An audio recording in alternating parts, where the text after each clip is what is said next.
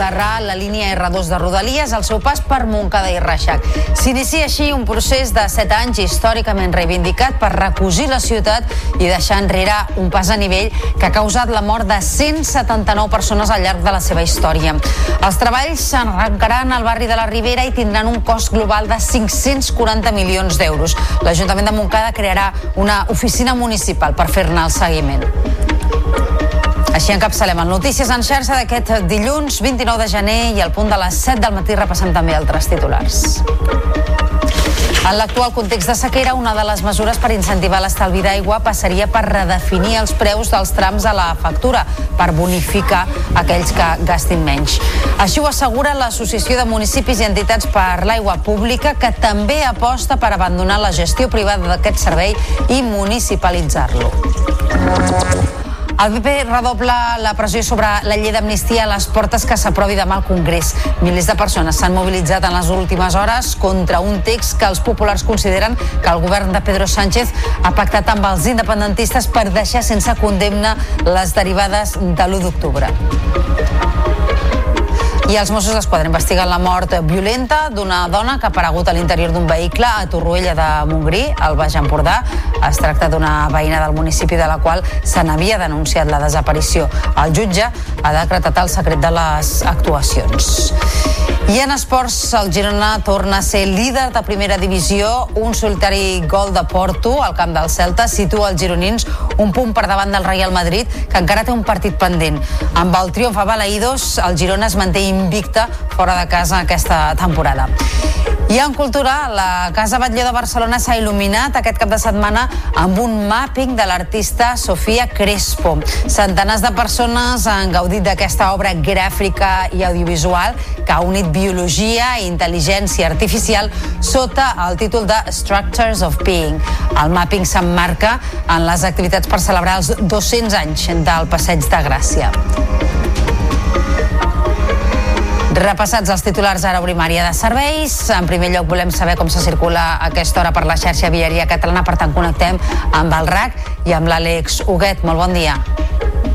Molt bon dia, al matí comença amb les retencions habituals i sense accidents registrats. De moment amb lentitud ja al Papiol en sentit sud, a la P7 durant 3 quilòmetres, a Sant Joan d'Espí a la 2 enllaçant amb la B23 cap a Barcelona hi ha 2 quilòmetres més de cues o a les rondes que com sempre registren més aturades en sentit Llobregat, ja són 3 quilòmetres a la B20 des de Santa Coloma de Gramenet i al Nus de la Trinitat fins a les sortides de Roquetes i Canyelles i a la litoral amb 4 quilòmetres més des de Sant Adrià i el Fòrum fins al tram del Poble Nou. És tot des del RAC, molt bon dia. I ara tanquem portada amb la previsió del temps de cara aquest dilluns. Lluís Miquel Pérez, molt bon dia. Bon dia, encetem una nova setmana que no ha de portar pluges, malauradament, però sí força núvols baixos que aquest matí s'han d'anar estenent per moltes comarques de la costa, del prelitoral, arribant fins a la Catalunya central o tota la vall de l'Ebre. Núvols baixos o boires. En canvi, a l'Alt Pirineu, cotes elevades en general, simplement un cel emblanquinat i una temperatura que no és especialment baixa. No ha variat respecte a ahir. Al llarg d'aquesta tarda, gran part de les boires de l'interior es desfaran, els núvols a la costa a estones encara seran més evidents, una temperatura que baixarà una miqueta respecte a ahir, sobretot a l'Alt Pirineu, però ja diem sense ploure i amb una mica més de vent, que aquesta tarda bufarà sobretot a la Costa Brava. Us seguirem a la xarxa. Notícies en xarxa, edició matí. Després d'una llarga lluita, Montcada i Reixac inicia aquest dilluns les obres del soterrament de la línia R2 al seu pas pel municipi. És un pas que, segons les últimes dades del 2023, ha causat la mort de 179 persones. Els treballs començaran al barri de la Ribera en un procés que s'allargarà durant prop de 7 anys. És una crònica de la nostra companya Núria Perera. Arran de les reclames d'una reestructuració de les infraestructures, sorgeix als anys 80 la reivindicació del soterrament de les vies de tren a Montcada i Reixac. Tot després de l'oposició al Pla Especial de 1989 i les tensions amb el govern central al 2002, amb l'objectiu d'aglutinar les demandes ciutadanes per eliminar les vies a la superfície i els passos a nivell, va sorgir l'any 2006 la plataforma Tracte Just Soterrament Total. Això es va donar 4 anys abans de l'entrada en funcionament, l'any 2013, de la línia d'alta velocitat Barcelona Barcelona-Girona. El 2015 el govern central va incloure una partida de 300.000 euros per fer un nou estudi de viabilitat i el 2017 el llavors ministre de Foment Íñigo de la Serna anunciava públicament que el soterrament començaria l'any 2020 amb un pressupost de 300 milions d'euros i una durada de 40 mesos. El mateix 2020 arribava l'incorporació del soterrament al Pla de Rodalies de Catalunya 2020-2030, amb actuacions planificades pels primers 5 anys, incloent també la remodelació de l'estació Montcada Bifurcació i la previsió de la tercera via a la línia Montcada-Mollet. El 2022 el Consell de Ministres va donar llum verda al soterrament de l'R2 amb un pressupost de 387 milions d'euros, amb la desaparició de 5 quilòmetres de via al municipi. Hem triat massa, sembla mentida que en un, un poble tan a prop de, de l'àrea metropolitana o dins de l'àrea metropolitana de Barcelona doncs estiguem a les condicions que estem a aquestes alçades. Finalment, el Consell de Ministres va autoritzar la despesa per la licitació al soterrament per un valor de 621 milions d'euros, un 33% més respecte al preu de la licitació anterior, que permet encara l'inici de les obres a finals d'aquest gener. I encara parlant de transport públic, a partir d'avui els desplaçaments en transport públic de l'Alt Pirineu, l'Aran i el Solsonès queden integrats al sistema tarifari de Lleida. És un fet que implica la creació de la zona 3, que estarà formada per les comarques del Pallars Jussà, l'Alt Urgell i el Solsonès, i de la zona 4, que estarà formada per l'Alta Ribagorça, el Pallars Sobirà, l'Aran i la Cerdanya.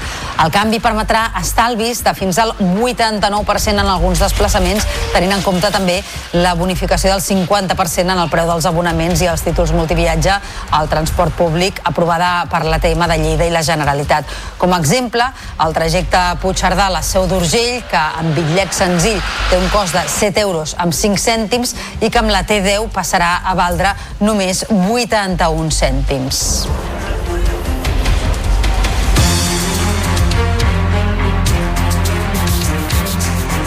En l'actual context de sequera ens pot semblar raonable que augmenti el preu de l'aigua, però sovint veiem com la factura no reflecteix els esforços que fem per estalviar-ne.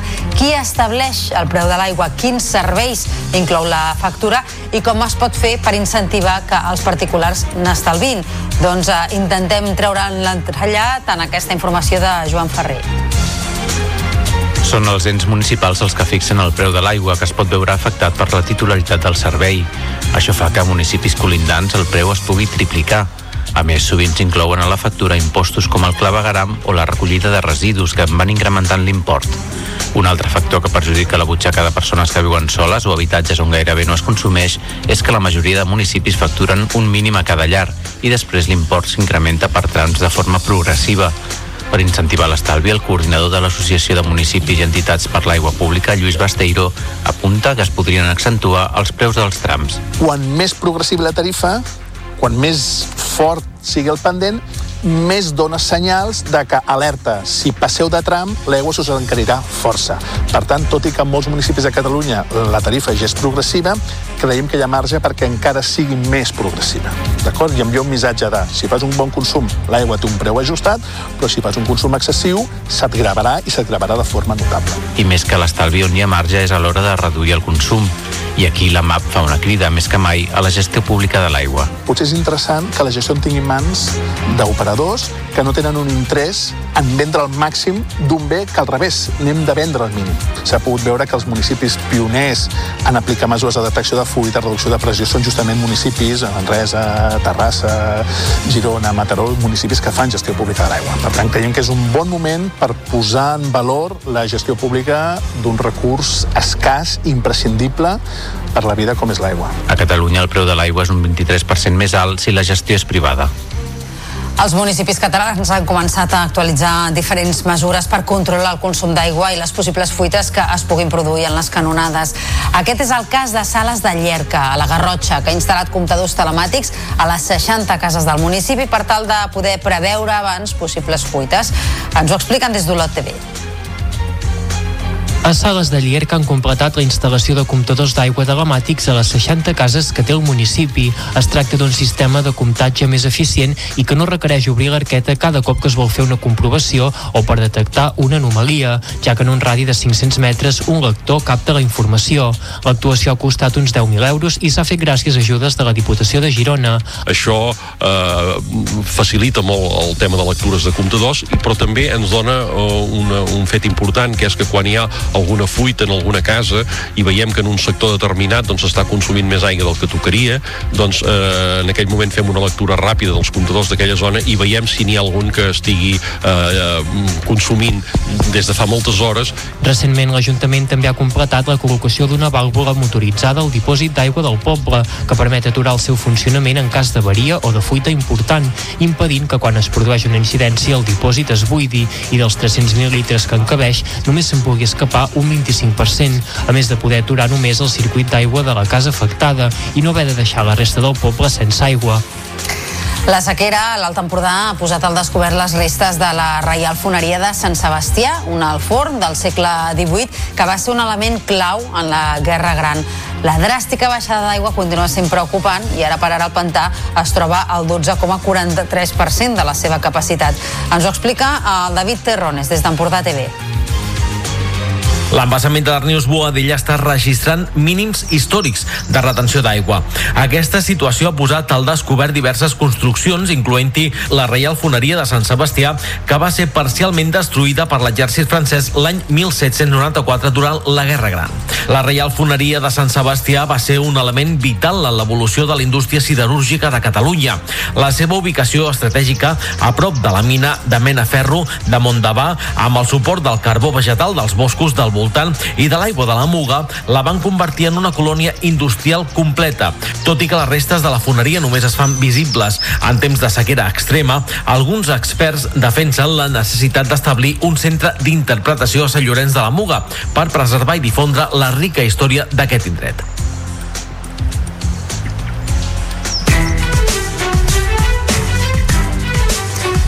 Quart de vuit del matí ara, falten 4 minuts. Demà s'ha d'aprovar la llei d'amnistia al Congrés. A les portes del nou tràmit parlamentari, milers de persones s'han mobilitzat en les darreres hores a Madrid, convocades pel Partit Popular. És un acte en què la plana major de la formació ha acusat el govern de Pedro Sánchez de voler deixar sense condemnar el que han titllat de terrorisme independentista. En aquesta vuitena gran concentració també s'han sentit consignes contra el que han considerat com una persecució al jutge de l'Audiència Nacional, Manuel García Castellón, davant la seva ofensiva en la causa contra Tsunami Democràtic. El president del PP, Alberto Núñez Feijó, ha assegurat que Espanya no està en venda i que continuaran combatent al carrer els atacs a la Constitució. Los delitos serán castigados. Los ciudadanos serán respetados. El gobierno será de todos y para todos. Y Pedro Sánchez será el pasado. Todos los españoles tenemos derecho a decidir nuestro futuro, no a que los independentistas decidan por nosotros. Vamos a recuperar el derecho a decidir todos los españoles. No hay corrupción buena o mala. No hay terrorismo bueno o malo. Lo que sí hay es un gobierno nefasto que no tiene vergüenza. En el capítol de reaccions, el president del govern espanyol, Pedro Sánchez, ha tornat a defensar en una entrevista al diari La Vanguardia la llei d'amnistia com una contribució a la convivència i ha justificat el seu canvi de parer sobre aquesta qüestió. Al seu torn, la presidenta de Junts per Catalunya, Laura Borràs, ha deixat clar que treballaran fins al darrer moment per incorporar les esmenes a la llei. Lo que va a suceder eh, cuando se vean los efectos benéficos de la misma va a ser que muchos de los políticos que hoy se están manifestando en las calles de España eh, harán bueno ese dicho de si te he visto no me acuerdo. Es cierto que eh, efectivamente he cambiado de, posición respecto a la, a la ley de amnistía, pero también lo es que la situación ha ido evolucionando a favor durante estos últimos cinco años. Fins al temps de descompte, fins a dimarts, les esmenes que estan vives, Junts per Catalunya treballarà per defensar-les, per incorporar-les a la llei. Els ministres d'Afers Europeus de la Unió Europea es reuneixen avui a Brussel·les en una trobada en la qual s'abordarà la situació de l'estat de dret a Espanya. Es tracta d'un debat sobre les recomanacions que té la Comissió Europea i que va fer a l'estat espanyol l'any passat. Ara bé, com a taló de fons, hi haurà l'amnistia pactada entre el PSOE i l'independentisme. El que en aquesta ocasió no abordaran els ministres europeus és l'oficialitat del català, el basc i el gallec, que ha quedat fora de l'agenda per primer cop des del mes de setembre.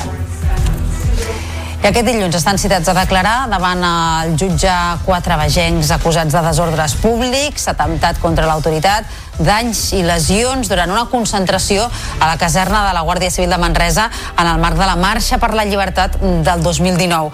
Els seus advocats haurien demanat a l'Audiència Provincial de Barcelona la suspensió del judici emparant-se en la futura llei d'amnistia entenent que obre un nou escenari però va ser rebutjada la petició. Els quatre acusats s'enfronten a penes de fins a 10 anys de presó i unes multes de més de 6.000 euros de responsabilitat civil col·lectiva i més de 12.000 euros a cadascun. I un any més, ciutats de tot el país han commemorat el Dia Internacional en memòria de les víctimes de l'Holocaust. És un acte de memòria històrica que a Lleida ha comptat amb representants de diverses comunitats i col·lectius que van ser perseguits. Ens ho expliquen en la següent crònica els companys de Lleida TV. La fragilitat de la llibertat, Sota aquest lema, Lleida ha recordat totes les persones que van ser perseguides pel règim de Hitler, amb motiu del Dia Internacional en memòria de les víctimes de l'Holocaust. En l'acte, el Ramon ha donat veu i ha recordat a totes les persones republicanes que, com el seu pare i el seu tiet, van ser perseguides i empresonades. I jo tenia un pare i un oncle que els dos van ser et direm, van, van, van marxar a Espanya. Mon oncle el van detenir. El que passa és que ja era eh, bastant en van o, o sigui, bastant en van el van detenir al 42 el mon oncle perquè ja estaven implicats amb la resistència i el maquis i tot això. I mon pare va tornar d'amagat amb, el, amb el maquis i després al cap d'un temps pues, se, va, se va entregar. L'acte ha comptat amb una ofrena floral i amb la veu de diverses entitats lleidatanes que han encès espelmes en memòria dels col·lectius que van patir la deportació als camps de concentració. I a la Garriga, al Vallès Oriental, també s'ha fet aquest diumenge un acte de record i memòria, en aquest cas per la commemoració del bombardeig del 1939 al municipi, en el qual van morir 15 persones a mans de l'aviació feixista italiana al servei de Franco. L'homenatge s'ha fet a la fossa comuna del cementiri de la Doma i ha volgut connectar el que va passar fa 85 anys amb el que succeeix encara avui arreu del món.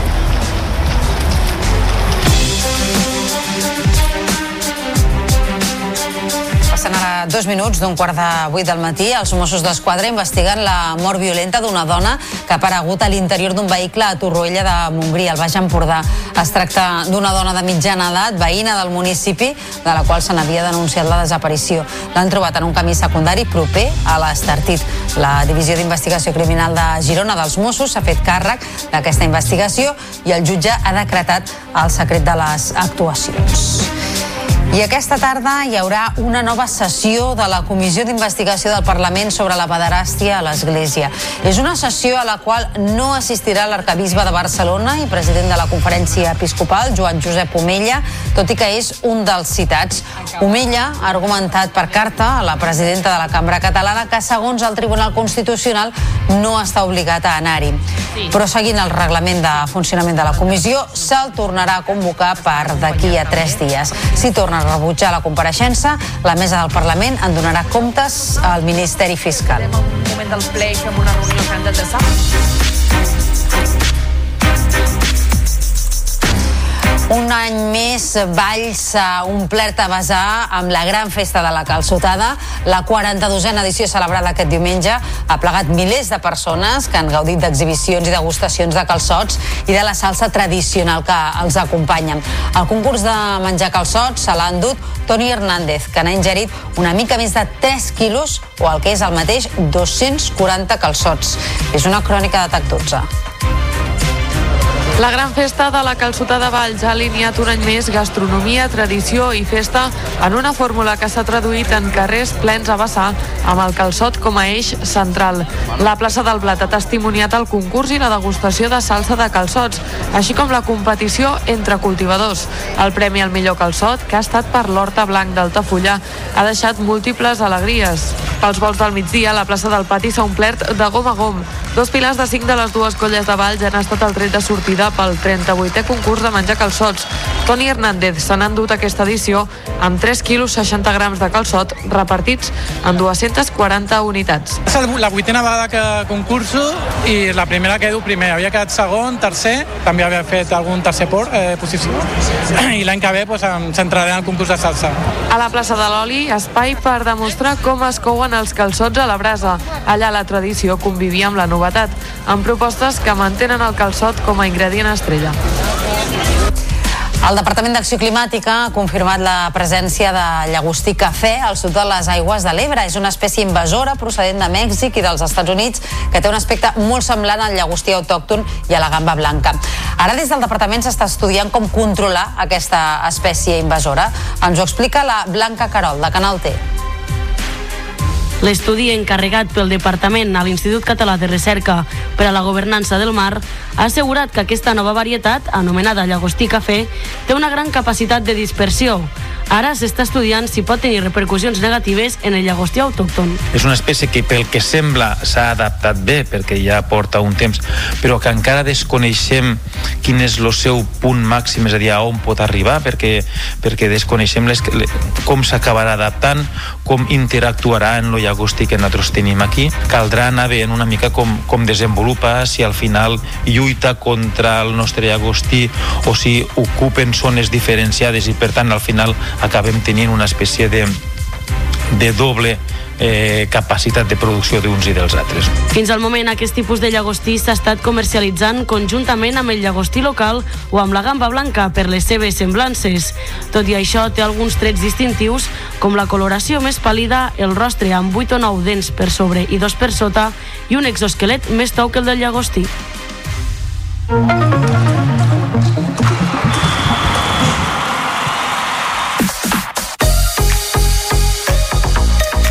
El Girona recupera el liderat de primera divisió. Els gironins continuen amb pas ferm i el 0 a 1 sobre el Celta els permet tornar-se a situar al capdavant de la classificació amb un punt més que el Real Madrid que té un partit pendent.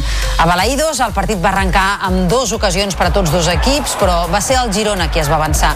Al minut 20 Porto, molt murri, feia l'únic gol del partit amb un xut fora de l'abast del porter del Celta. Els locals van poder empatar els darrers instants, però els Girona es van dur el triomf i els de Mitchell es mantenen invictes a domicili. El tècnic parla de les opcions de títol pels gironins. ¿Podemos soñar con Champions?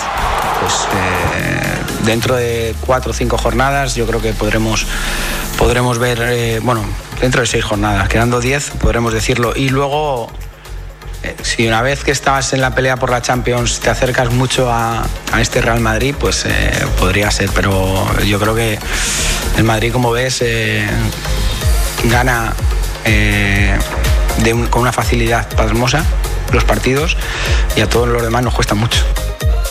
El Barça se centra en una nova jornada de Lliga que dimecres enfrontarà Osasuna a l'Estadi Olímpic. L'endemà d'anunciar que deixarà la banqueta a final de temporada, Xavi va dirigir l'entrenament de l'equip i va donar explicacions a la plantilla. També va visitar el vestidor el president Joan Laporta, que va explicar per què va acceptar que Xavi continuï fins a final de temporada. l'accepto perquè és el Xavi qui me la proposa eh? i ell és una llegenda del barcelonisme és una persona honesta, eh, actua amb tota dignitat i és una persona que s'estima el Barça. Tinc el convenciment de que ho puc acceptar perquè el compromís serà màxim d'ell A la Lliga F, després de certificar la primera plaça del grup a la Champions, el Barça va tornar a aquesta Lliga 22 dies després amb una golejada per 0 a 6 contra el Betis. Bruno Vilamala va obrir la llauna amb un xut ajustat al pal Brooks, amb jugada de Graham Hansen, després d'un refús, va fer el segon gol. I minuts després, papers canviats, passada de Brooks i gol de Hansen, tota sola. Encara abans del descans, Vicky López va fer el quart amb un bon xut des de fora de l'àrea. A la segona part, guió idèntic, però amb menys gols. Graham Hansen va posar el 0-5 amb una canonada i al tram final Aitana va sentenciar des del segon pal una passada de la mort de Pina. I a la segona divisió l'Espanyol queia el Papico Amat d'Elda i segueix a 7 punts de lideratge i a 3 de l'ascens directe a primera. Els blanquiblaus no van estar còmodes des del principi i l'Aldenc s'avançava amb un gol de Chapela en el minut 9 un gol en pròpia porta dels alacantins i un penal transformat per Braithwaite permetia a l'equip de Ramis capgirar el partit. Però en el temps de descompte de la primera part arribava l'empat, obra novament de Chapela. En el minut 55, Sergio Ortuño situava el 3 a 2, que ja seria definitiu. Segueix la mala ratxa de l'Espanya a domicili, on no coneix la victòria des del 5 d'octubre. I a la Lliga Endesa, el Barça superava el CUE al Palència 102 a 94. Els visitants plantaven cara fins als darrers dos minuts, moment en què els de Roger Grimau posaven directe i s'acabaven escapant al marcador. Javari Parker, amb 18 punts, era el màxim anotador blaugrana. Aquest és el quart triomf consecutiu dels blaugranes a la CB i serveix per passar pàgina de la derrota de divendres a l'Eurolliga. I victòria del Girona que trencava la mala ratxa en el debut de Fotis Katsikaris. Els gironins suaven de valent i no podien trencar el partit fins al tercer període amb un parcial de 26 a 9. Pons, amb 15 punts, 5 rebots i 21 de valoració, va ser un dels jugadors més determinants de l'equip local. El Girona trenca la dinàmica de 7 derrotes seguides i se situa amb un balanç de 8 triomfs i 12 derrotes.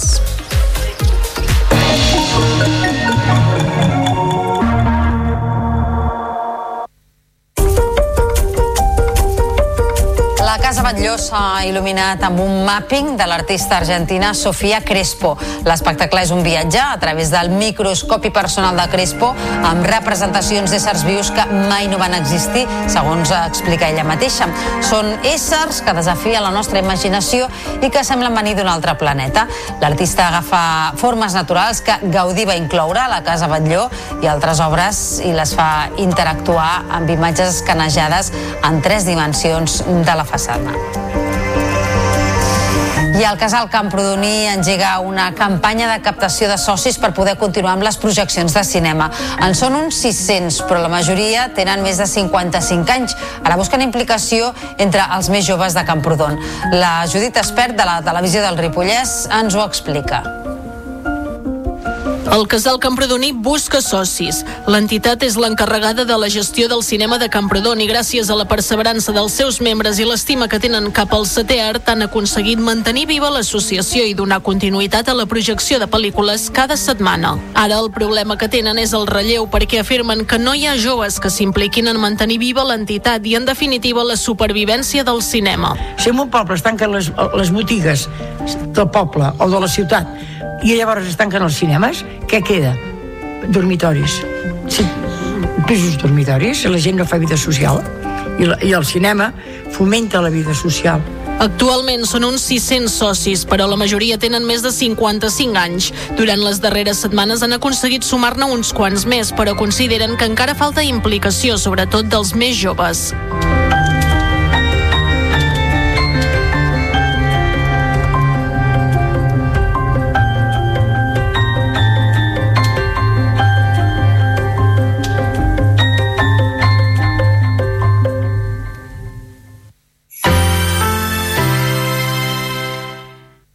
La xarxa de comunicació local.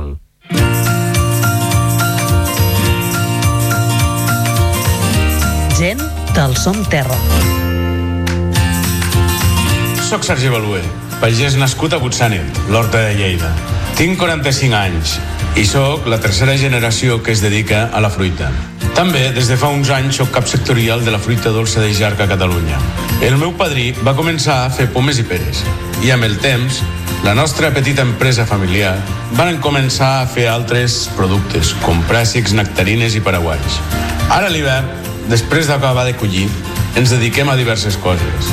Primer, si tenim alguna finca d'arbres que ja són vells, doncs els tallem. Aprofitem la llenya per calentar la casa i preparem el terreny per tornar a plantar noves varietats.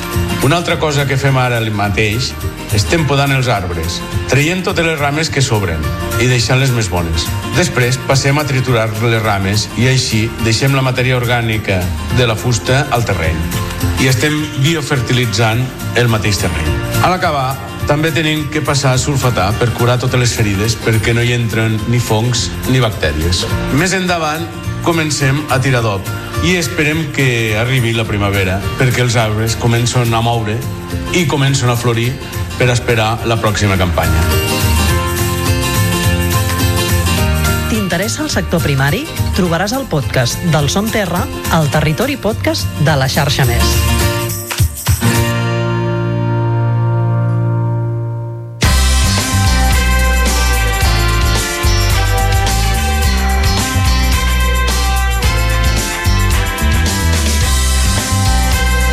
La xarxa de comunicació local.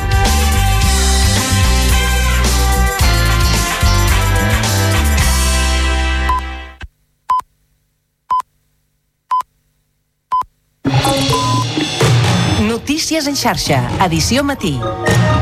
Amb Taís Trujillo. Són dos quarts de vuit del matí i avui encapçalem el Notícies en xarxa amb les obres per soterrar la línia R2 de Rodalies al seu pas per Montcada i Reixac que comencen aquest eh, dilluns. S'inicia així un procés de set anys històricament reivindicat per recosir la ciutat i deixar enrere un pas a nivell que ha causat la mort de 179 persones al llarg de la seva història. Els treballs arrencaran al barri de la Ribera i tindran un cost global de 540 milions d'euros. L'Ajuntament de Montcada crearà una oficina municipal per fer-ne el seguiment. De seguida us ho ampliarem perquè parlarem en els propers minuts amb Bartolomé Egea, que és l'alcalde del municipi. Abans, però, repassem també altres titulars d'aquest dilluns 29 de gener. En l'actual context de sequera, una de les mesures per incentivar l'estalvi d'aigua passaria per redefinir els preus dels trams de la factura per bonificar aquests que gastin menys. Així ho assegura l'Associació de Municipis i Entitats per l'Aigua Pública, que també aposta per abandonar la gestió privada d'aquest servei i municipalitzar-lo. El PP redobla la pressió sobre la llei d'amnistia a les portes que s'aprovi demà al Congrés.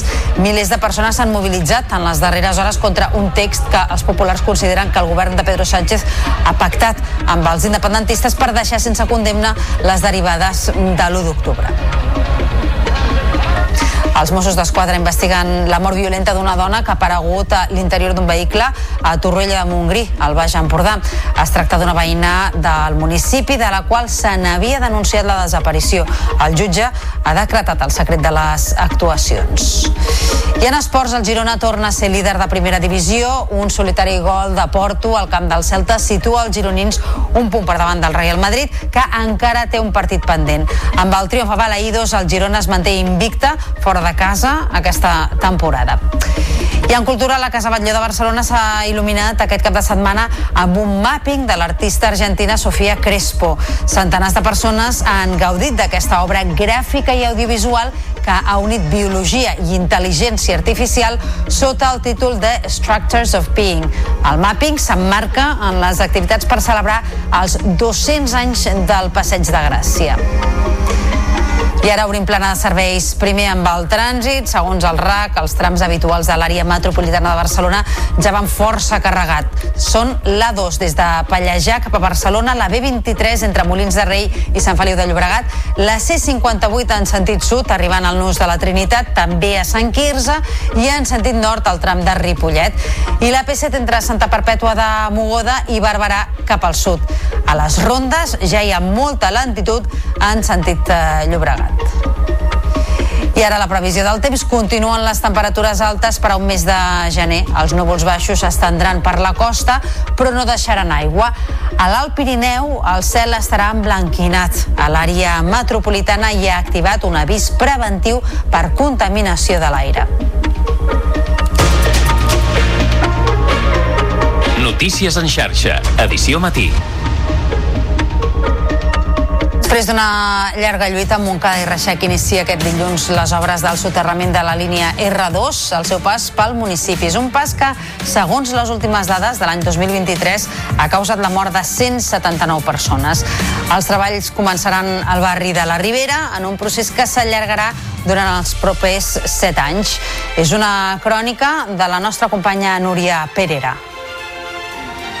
Arran de les reclames d'una reestructuració de les infraestructures, sorgeix als anys 80 la reivindicació del soterrament de les vies de tren a Montcada i Reixac tot després de l'oposició al Pla Especial de 1989 i les tensions amb el govern central al 2002, amb l'objectiu d'aglutinar les demandes ciutadanes per eliminar les vies a la superfície i els passos a nivell, va sorgir l'any 2006 la plataforma Tracte Just Soterrament Total. Això es va donar 4 anys abans de l'entrada en funcionament, l'any 2013, de la línia d'alta velocitat Barcelona-Girona.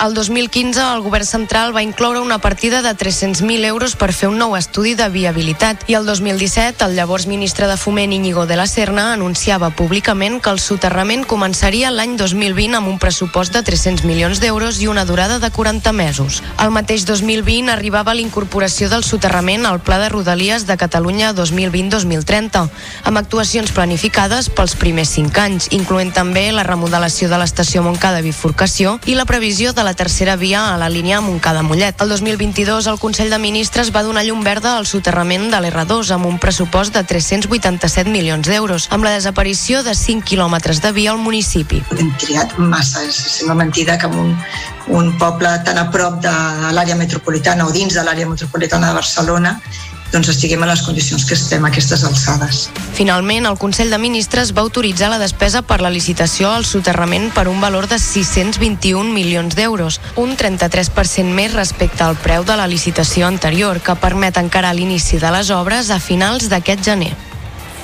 Doncs a aquesta hora del matí estem en disposició de parlar també amb l'alcalde de Montcada i Reixac, el senyor Bartolomé Egea, Senyor Gea, molt bon dia. Quina és la valoració, el comentari que fan en una jornada com aquesta, eh? que s'ha qualificat d'històrica perquè fa molts anys que s'esperen unes obres que justament avui han de començar finalment.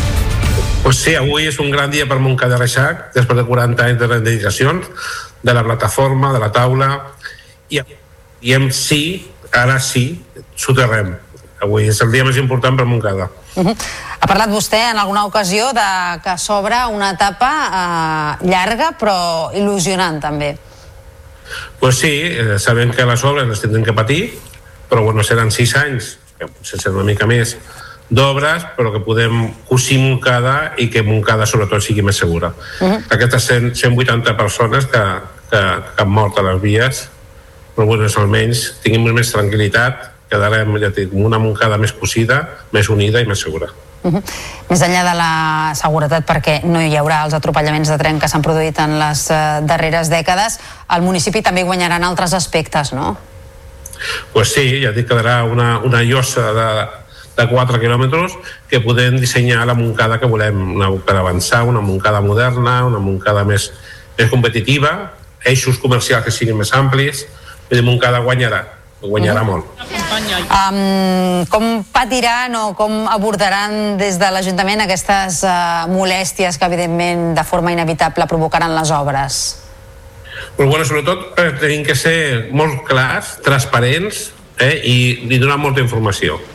Hem creat una pàgina a la pàgina web que estarà actualitzada cada dia, molta informació als veïns i sobretot eh, que, que, que estiguin tranquils, que, bueno, que, que es patirem les obres però també tindrem tres oficines, tant una de DIF com de la UTE, com nosaltres mm, des de eh, l'Ajuntament el que hem fet és fer una l'oficina de soterrament aquí estem implicats tots els agents, eh, tant polítics com, com tècnics de, de, de l'Ajuntament. Mm. Aquesta oficina, a banda d'oferir informació sobre què està passant en aquell moment, també s'encarregarà de, de garantir, d'assegurar, de fer seguiment de les obres per eh, compliments eh, previstos i per eh, assegurar-se de, que, de que és així, de que es compleixen els terminis i que les obres es fan com s'han de fer? És, és clar que sí, i el més important és el que et deia, no? Sobretot informació, eh, que la gent estigui tranquil·la, que tinguin bueno, tota la informació possible, eh, que puguin vindre aquí a la casa i si no, doncs a les xarxes cada dia que tinguin tota aquesta informació, que del dia a dia sabem però bueno, que tenen molèsties. Ara comencem avui al barri de, de la Ribera, que és un barri que tenim aquí al costat de, de, de l'Ajuntament, i bueno, són afectacions eh, provisionals que duran una o dues setmanes, però bueno, que també doncs, són carrers que es tallaran momentàniament, que es fan canvis de sentit, que no es podrà estacionar, però bueno, sabem que, sobretot, molta informació, que és, jo penso que els veïns s'ho mereixen.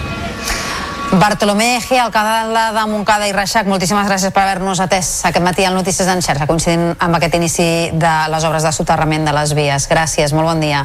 Moltes gràcies a vosaltres. Adéu. Notícies en xarxa. Tota la informació al teu abast.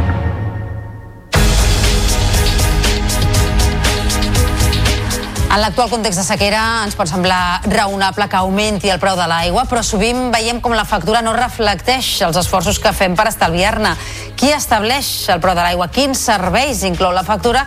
I com es pot fer per incentivar que els particulars n'estalvin? Doncs eh, intentem treure'n l'entrellat en aquesta informació del Joan Ferrer. Són els ens municipals els que fixen el preu de l'aigua que es pot veure afectat per la titularitat del servei. Això fa que a municipis colindants el preu es pugui triplicar. A més, sovint s'inclouen a la factura impostos com el clavegaram o la recollida de residus que van incrementant l'import. Un altre factor que perjudica la butxaca de persones que viuen soles o habitatges on gairebé no es consumeix és que la majoria de municipis facturen un mínim a cada llar i després l'import s'incrementa per trams de forma progressiva.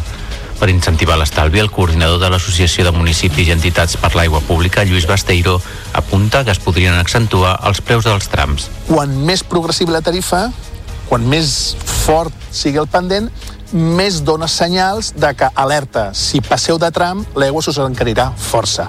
Per tant, tot i que en molts municipis de Catalunya la tarifa ja és progressiva, creiem que hi ha marge perquè encara sigui més progressiva. D'acord? I envia un missatge de, si fas un bon consum, l'aigua té un preu ajustat, però si fas un consum excessiu, se't gravarà i se't gravarà de forma notable. I més que l'estalvi on hi ha marge és a l'hora de reduir el consum. I aquí la MAP fa una crida més que mai a la gestió pública de l'aigua. Potser és interessant que la gestió en tingui mans d'operadors que no tenen un interès en vendre al màxim d'un bé que al revés, n'hem de vendre al mínim. S'ha pogut veure que els municipis pioners en aplicar mesures de detecció de fuit, de reducció de pressió, són justament municipis, Manresa, Terrassa, Girona, Mataró, municipis que fan gestió pública de l'aigua. Per tant, creiem que és un bon moment per posar en valor la gestió pública d'un recurs escàs, imprescindible, per la vida com és l'aigua. A Catalunya el preu de l'aigua és un 23% més alt si la gestió és privada. Els municipis catalans han començat a actualitzar diferents mesures per controlar el consum d'aigua i les possibles fuites que es puguin produir en les canonades.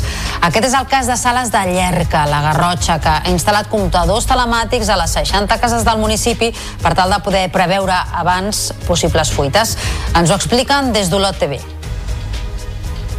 A Sales de Llierca han completat la instal·lació de comptadors d'aigua telemàtics a les 60 cases que té el municipi.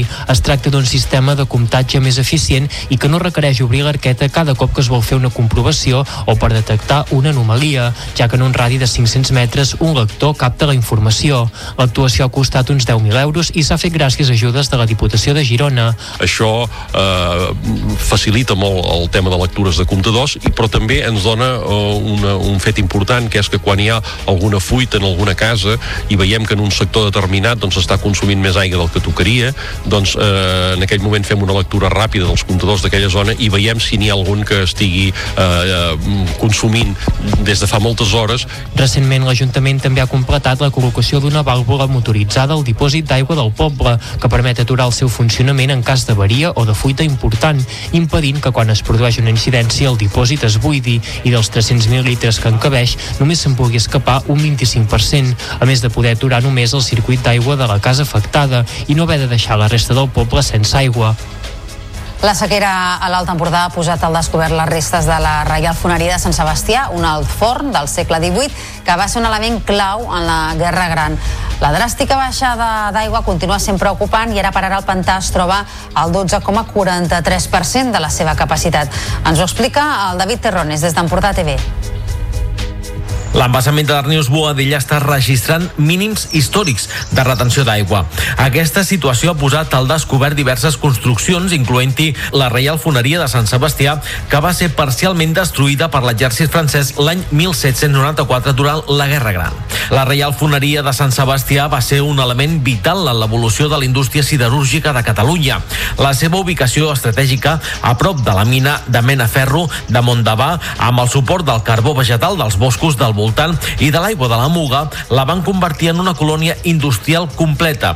Tot i que les restes de la foneria només es fan visibles en temps de sequera extrema, alguns experts defensen la necessitat d'establir un centre d'interpretació a Sant Llorenç de la Muga per preservar i difondre la rica història d'aquest indret.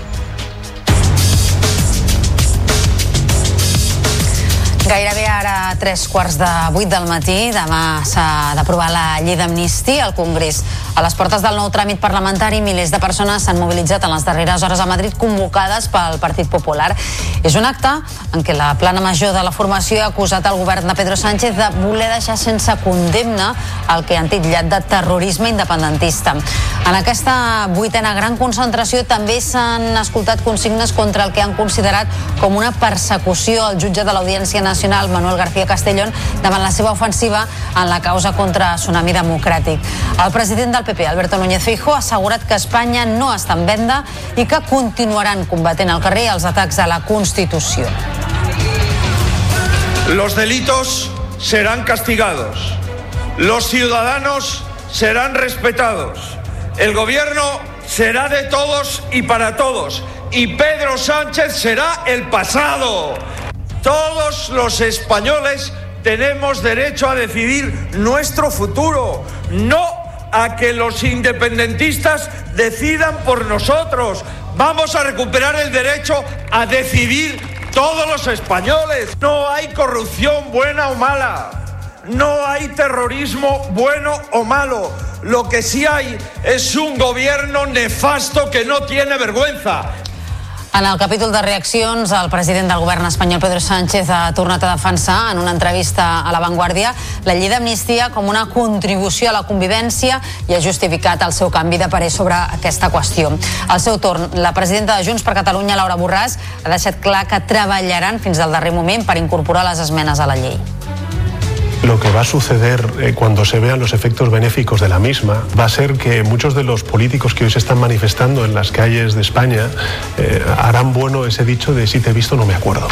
Es cierto que eh, efectivamente he cambiado de, posición respecto a la, a la ley de amnistía, pero eh, también lo es que la situación ha ido evolucionando a favor durante estos últimos cinco años. Fins al temps de descompte, fins a dimarts, les esmenes que estan vives, Junts per Catalunya treballarà per defensar-les, per incorporar-les a la llei. Els ministres d'Afers Europeus es reuneixen avui a Brussel·les en una trobada en la qual s'abordarà la situació de l'estat de dret a Espanya. Es tracta d'un debat sobre les recomanacions que la Comissió Europea va fer a l'estat espanyol l'any passat. Ara bé, com a taló de fons, hi haurà l'amnistia pactada entre el PSOE i l'independentisme. El que en aquesta ocasió no abordaran els ministres europeus és l'oficialitat del català, el basc i el gallec, que ha quedat fora de l'agenda per primer cop des del mes de setembre.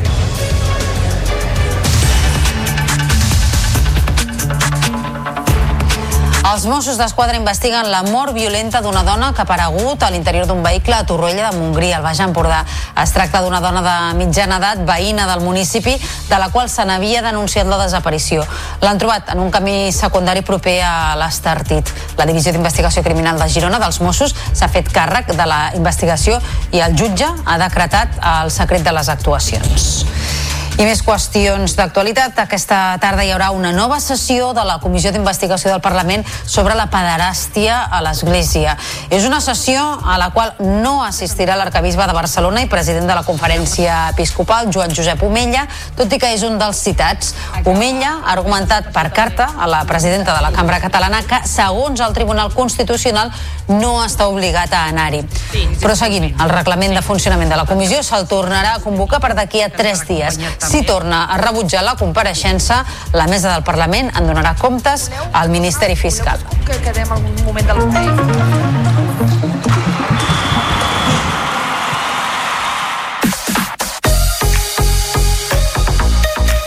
El Girona recupera el liderat de primera divisió. Els gironins continuen amb pas ferm i el 0 a 1 sobre el Celta els permet tornar-se a situar al capdavant de la classificació amb un punt més que el Real Madrid que té un partit pendent.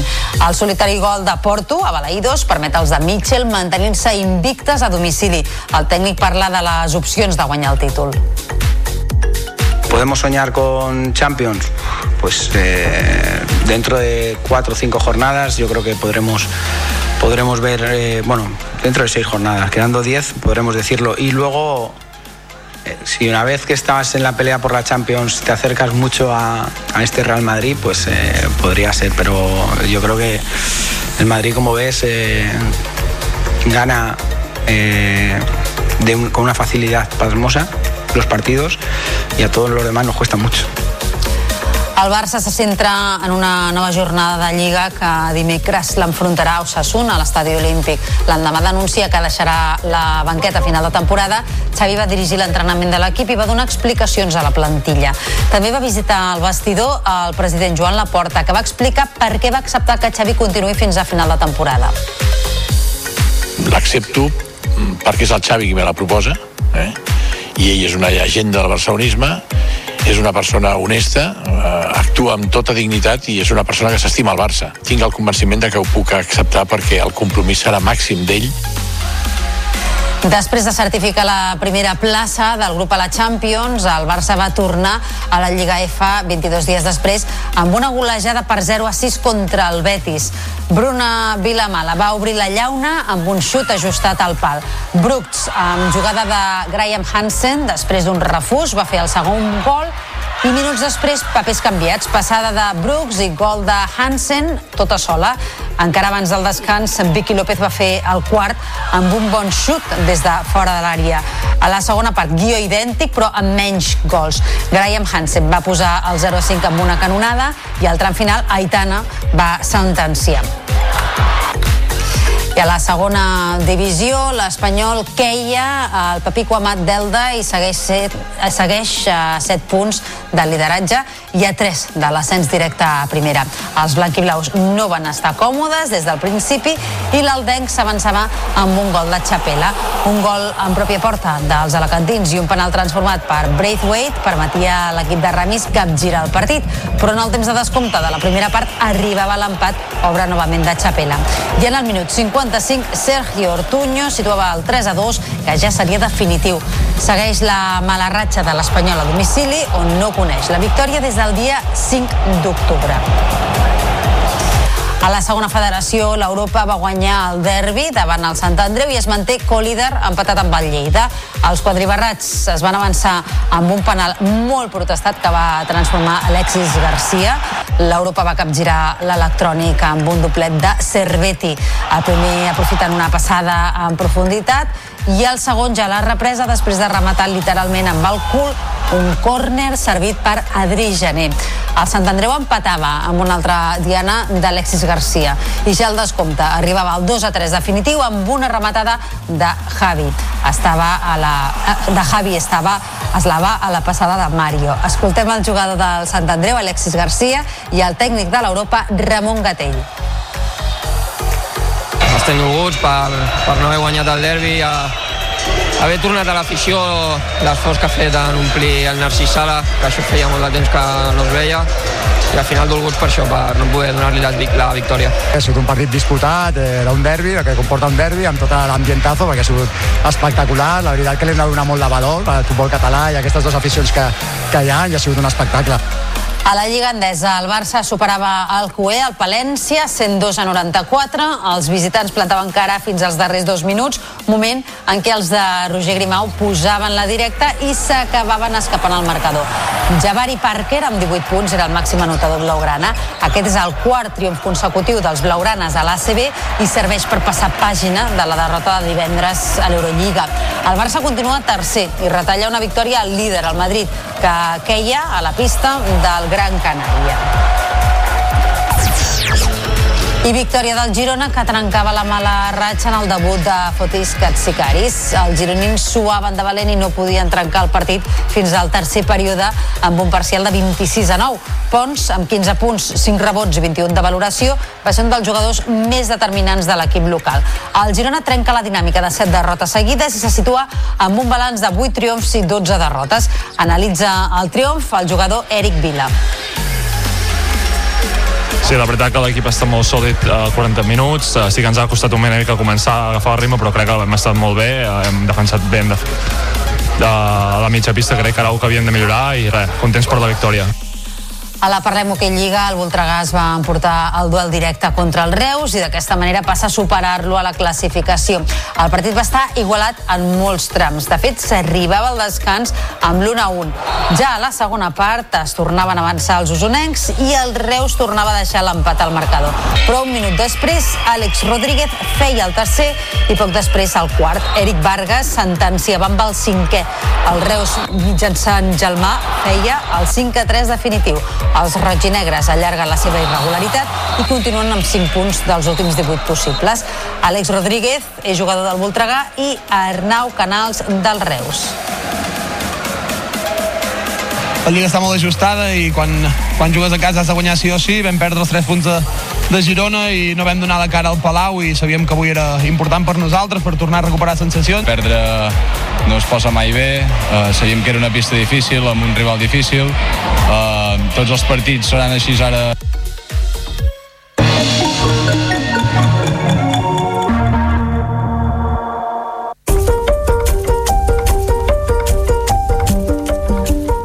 Casa Batlló s'ha il·luminat amb un mapping de l'artista argentina Sofia Crespo. L'espectacle és un viatge a través del microscopi personal de Crespo amb representacions d'éssers vius que mai no van existir, segons explica ella mateixa. Éssers que desafien la nostra imaginació i que semblen venir d'un altre planeta. L'artista agafa formes naturals que Gaudí va incloure a la Casa Batlló i a altres obres i les fa interactuar amb imatges escanejades en tres dimensions de la façana. I Sant Joan de les Fonts a la Garrotxa recupera la programació estable del seu cinema més de 30 anys després del tancament. Tot i ser una programació modesta, la idea és fer comunitat entre tots els veïns del poble a través del cinema. En Gerard Puigdemont, des de la televisió d'Olot, ens ho explica. Entre el 1949 i els anys 90, al cinema Iris a Sant Joan les Fonts s'hi projectaven tota mena de pel·lícules. El cine va estar actiu uns 40 anys, però amb la baixada de demanda i la tendència dels veïns i de la gent dels pobles amb cinema petit a anar a les grans ciutats a veure pel·lícules va portar al tancament d'aquest espai cultural del municipi. Tots aquests anys posteriors al tancament del cinema Iris, l'edifici s'ha acabat reconvertint en el centre sociocultural, però sempre mantenint els elements propis del cinema. Ara, i a petició d'alguns veïns, anys, l'Ajuntament ha recuperat una programació mínimament estable. Moltes persones del municipi ens deien de poder recuperar alguna mica l'activitat en aquest sentit, sobretot les tardes d'hivern, ja quan és més a la primavera o així hi ha més oferta o hi ha més ganes de sortir cap a l'exterior. L'oferta actual es basa en les tardes de cine el diumenge un cop al mes i amb la iniciativa del Cine Xic d'Òmnium, amb diverses projeccions durant l'any. La idea és que el cine esdevingui un nou punt de trobada al poble i una nova eina per fer comunitat. I encara parlant de cinemes, el casal Camprodoni engega una campanya de captació de socis per poder continuar amb les projeccions. En són 600, però la majoria tenen més de 55 anys. Ara busquen implicació entre els més joves de Camprodon. La Judit Espert de la televisió del Ripollès ens en parla. El casal Camprodoní busca socis. L'entitat és l'encarregada de la gestió del cinema de Camprodon i gràcies a la perseverança dels seus membres i l'estima que tenen cap al setè art han aconseguit mantenir viva l'associació i donar continuïtat a la projecció de pel·lícules cada setmana. Ara el problema que tenen és el relleu perquè afirmen que no hi ha joves que s'impliquin en mantenir viva l'entitat i en definitiva la supervivència del cinema. Si en un poble es tanquen les, les botigues del poble o de la ciutat i llavors es tanquen els cinemes, què queda? Dormitoris. Sí. Pisos dormitoris, la gent no fa vida social i, la, i el cinema fomenta la vida social. Actualment són uns 600 socis, però la majoria tenen més de 55 anys. Durant les darreres setmanes han aconseguit sumar-ne uns quants més, però consideren que encara falta implicació, sobretot dels més joves.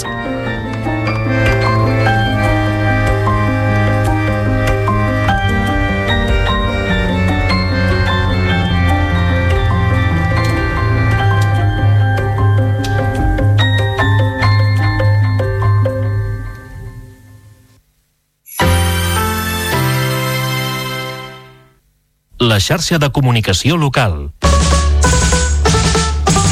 Propostes en xarxa.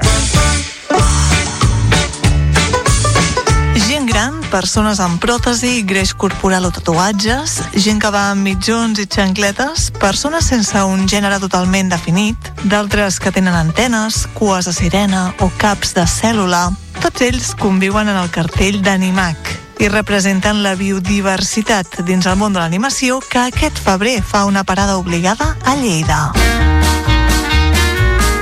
Diversity o la diversitat al cinema animat. Aquest és l'eix central de la 28a edició d'Animac, la mostra internacional de cinema d'animació de Catalunya. És una plataforma ideal per descobrir nous talents, un espai on poden projectar els seus primers treballs. Però també una bona excusa per reflexionar, perquè el cinema té el poder d'arribar a un públic tan ampli com variat i de generar impacte. Penseu, per exemple, en pel·lícules i sèries que normalitzen un casament homosexual, una princesa racialitzada, un protagonista trans o un altre amb síndrome de Down. Són només alguns dels exemples reals que la directora de la mostra, Carolina López, posa en valor. Entre el 15 i el 18 de febrer, a Animac hi trobareu un programa que combina sessions monogràfiques i retrospectives, amb una acurada selecció de curtmetratges i llargmetratges d'arreu del món, conferències i també classes magistrals per a tots els públics. Del 15 al 18 de febrer, Lleida acull la 28a edició d'Animac, la mostra internacional de cinema d'animació de Catalunya. Podeu consultar-ne tots els detalls al web animac.paeria.cat.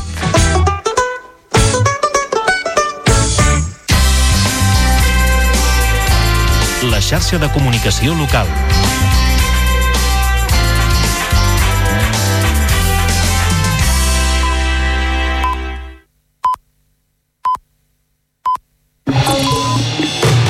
Notícies en xarxa, edició matí.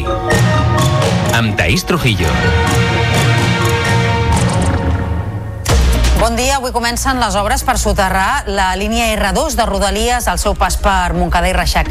S'inicia així un procés de 7 anys històricament reivindicat per recosir la ciutat i deixar enrere un pas a nivell que ha causat la mort de 179 persones al llarg de la seva història. Els treballs arrencaran al barri de la Ribera i tindran un cost global de 540 milions d'euros. L'Ajuntament de Montcada crearà una oficina municipal per tal de fer-ne el seguiment. Doncs així encapçalem el Notícies en xarxa d'aquest dilluns 29 de gener i al punt de les 8 del matí repassem també altres titulars. En l'actual context de sequera, una de les mesures per incentivar l'estalvi d'aigua passaria per redefinir els preus dels trams a la factura per bonificar aquells que gastin menys. Així ho assegura l'Associació de Municipis i Entitats per l'Aigua Pública, que també aposta per abandonar la gestió privada d'aquest servei i municipalitzar-lo. El PP redobla la pressió sobre la llei d'amnistia a les portes que s'aprovi demà al Congrés. Milers de persones s'han mobilitzat en les darreres hores contra un text que els populars consideren que el govern de Pedro Sánchez ha pactat amb els independentistes per deixar sense condemna les derivades de l'1 d'octubre. Els Mossos d'Esquadra investiguen la mort violenta d'una dona que ha aparegut a l'interior d'un vehicle a Torroella de Montgrí, al Baix Empordà. Es tracta d'una veïna del municipi de la qual se n'havia denunciat la desaparició. El jutge ha decretat el secret de les actuacions. En esports, el Girona torna a ser líder de primera divisió. Un solitari gol de Porto al camp del Celta situa els gironins un punt per davant del Real Madrid, que encara té un partit pendent. Amb el triomf a Balaïdos, el Girona es manté invicta fora de casa aquesta temporada. I en cultura, la Casa Batlló de Barcelona s'ha il·luminat aquest cap de setmana amb un mapping de l'artista argentina Sofia Crespo.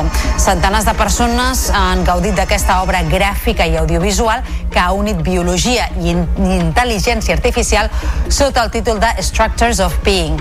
El mapping s'emmarca en les activitats per celebrar els 200 anys del Passeig de Gràcia. Repassats els titulars, ara obrim àrea de serveis. Eh, Comencem amb la previsió del temps. Lluís Miquel Pérez, molt bon dia. Bon dia, Taís. Doncs un temps que continua sent anticiclònic. Estarà dominat d'aquesta manera durant tota la setmana. Per tant, no s'espera pluja. Però sí humitat, que es tradueix aquest matí en aquestes eh, boires, aquests núvols baixos, que ara s'han estès força per moltes comarques de la Catalunya central, costa, prelitoral i també la Vall de l'Ebre, i amb aquesta boira que és força densa, per exemple, en alguns indrets mm, propers a l'Ebre o a la Catalunya central. En canvi, a l'Alt Pirineu, ja al matí més tranquil, més assolellat o simplement emblanquinat, i la temperatura que no és gaire baixa, la veritat. No hi ha gelades en aquests moments. I aquesta tarda, doncs un ambient que tornarà a ser molt agradable, una mica menys que ahir, en qualsevol cas, i és que els núvols no s'acabaran de retirar, doncs, eh, sobretot de la costa del prelitoral i de les Terres de l'Ebre, però ja diem, amb un ambient que no porta pluges i situació doncs, eh, preocupant, així de clar pel que fa a les reserves d'aigua. N'estarem pendents a la xarxa. I volem saber també com se circula a aquesta hora a les 8 del matí per la xarxa viària, per tant connectem amb el Servei Català de Trànsit. Finara, que molt bon dia. Hola, molt bon dia. Doncs en aquests moments ens comencem situant a l'autopista P7 a l'altura de la Roca del Vallès. Hi ha un accident que talla un carril en sentit Tarragona i provoca gairebé 3 quilòmetres de cua en aquest punt. Més endavant, a la mateixa autopista P7, també trobem circulació lenta a la zona de Montmeló i a la zona de Santa Perpètua de Mogoda en sentit sud, en sentit Tarragona. També en aquests moments a la resta d'accessos a la capital catalana hi ha les retencions habituals d'hora punta. En destaquem l'autovia 2 de la zona del Baix Llobregat amb 5 quilòmetres aturades entre Sant Vicent dels Horts i Sant Joan d'Espí i també la C32 entre Sant Boi de Llobregat i Cava amb retencions en sentit Tarragona arran d'un accident que ja ha pogut ser retirat. Acabarem situats a les rondes de la capital catalana on hi ha aturades de 8 quilòmetres a la ronda a dalt des de l'altura de Vall d'Hebron en sentit Llobregat. De moment això és el més destacat. Molt bon dia. Notícies en xarxa, edició matí. Després d'una llarga lluita, Montcada i Reixac inicia aquest dilluns les obres del soterrament de la línia R2 al seu pas pel municipi. És un pas que, segons les últimes dades del 2023, ha causat la mort de 179 persones. Els treballs començaran al barri de la Ribera en un procés que s'allargarà durant prop de 7 anys. Ens ho explica en la següent crònica la nostra companya Núria Perera. Arran de les reclames d'una reestructuració de les infraestructures, sorgeix als anys 80 la reivindicació del soterrament de les vies de tren a Montcada i Reixac. Tot després de l'oposició al Pla Especial del 1989 i les tensions amb el govern central al 2002, amb l'objectiu d'aglutinar les demandes ciutadanes per eliminar les vies a la superfície i els passos a nivell, va sorgir l'any 2006 la plataforma Tracte Just Soterrament Total. Això es va donar 4 anys abans de l'entrada en funcionament, l'any 2013, de la línia d'alta velocitat Barcelona-Girona. El 2015 el govern central va incloure una partida de 300.000 euros per fer un nou estudi de viabilitat i el 2017 el llavors ministre de Foment Íñigo de la Serna anunciava públicament que el soterrament començaria l'any 2020 amb un pressupost de 300 milions d'euros i una durada de 40 mesos. El mateix 2020 arribava l'incorporació del soterrament al Pla de Rodalies de Catalunya 2020-2030, amb actuacions planificades pels primers 5 anys, incloent també la remodelació de l'estació Montcada Bifurcació i la previsió de la tercera via a la línia Montcada-Mollet. El 2022 el Consell de Ministres va donar llum verda al soterrament de l'R2 amb un pressupost de 387 milions d'euros, amb la desaparició de 5 quilòmetres de via al municipi. Hem triat massa, sembla mentida que en un, un poble tan a prop de l'àrea metropolitana o dins de l'àrea metropolitana de Barcelona doncs estiguem en les condicions que estem a aquestes alçades. Finalment, el Consell de Ministres va autoritzar la despesa per la licitació al soterrament per un valor de 621 milions d'euros, un 33% més respecte al preu de la licitació anterior, que permet encara l'inici de les obres a finals d'aquest gener. L'alcalde de Montcada i Reixac, Bartolomé Egea, s'ha congratulat per l'inici de les obres de soterrament de la via en aquest municipi, ha demanat tranquil·litat a la ciutadania i ha promès claredat i transparència sobre les afectacions que tindran els treballs en el dia a dia de Montcada. Les obres, recordem, duraran més de 6 anys. Egea ho ha dit en declaracions fa pocs minuts aquí al Notícies en xarxa. Avui és un gran dia per Montcada Reixac, després de 40 anys de reivindicacions, de la plataforma, de la taula, i avui diem sí, ara sí, soterrem. Avui és el dia més important per Montcada. Sabem que les obres les tindrem que patir, però bueno, seran sis anys, que potser serà una mica més, d'obres, però que podem cosir Montcada i que Montcada sobretot sigui més segura. I a partir d'avui, els desplaçaments en transport públic de l'Alt Pirineu, l'Aran i el Solsonès quedaran integrats al sistema tarifari de Lleida. És un fet que implica la creació de la zona 3, que estarà formada per les comarques del Pallars Jussà, l'Alt Urgell i el Solsonès, i de la zona 4, que estarà formada per l'Alta Ribagorça, el Pallars Sobirà, l'Aran i la Cerdanya. El canvi permetrà estalvis de fins al 89% en alguns desplaçaments, tenint en compte també la bonificació del 50% en el preu dels abonaments i els títols multiviatge al transport públic aprovada per l'ATM de Lleida i la Generalitat. Com a exemple, el trajecte Puigcerdà a la Seu d'Urgell, que en bitllet senzill té un cost de 7 euros amb 5 cèntims, amb la T10 passarà a valer només 81 cèntims.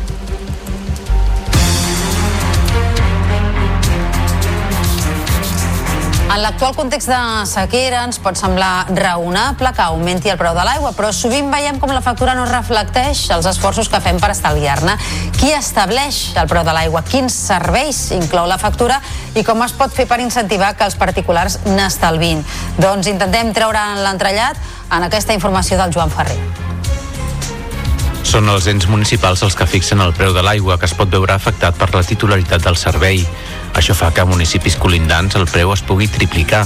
A més, sovint s'inclouen a la factura impostos com el clavegaram o la recollida de residus que van incrementant l'import.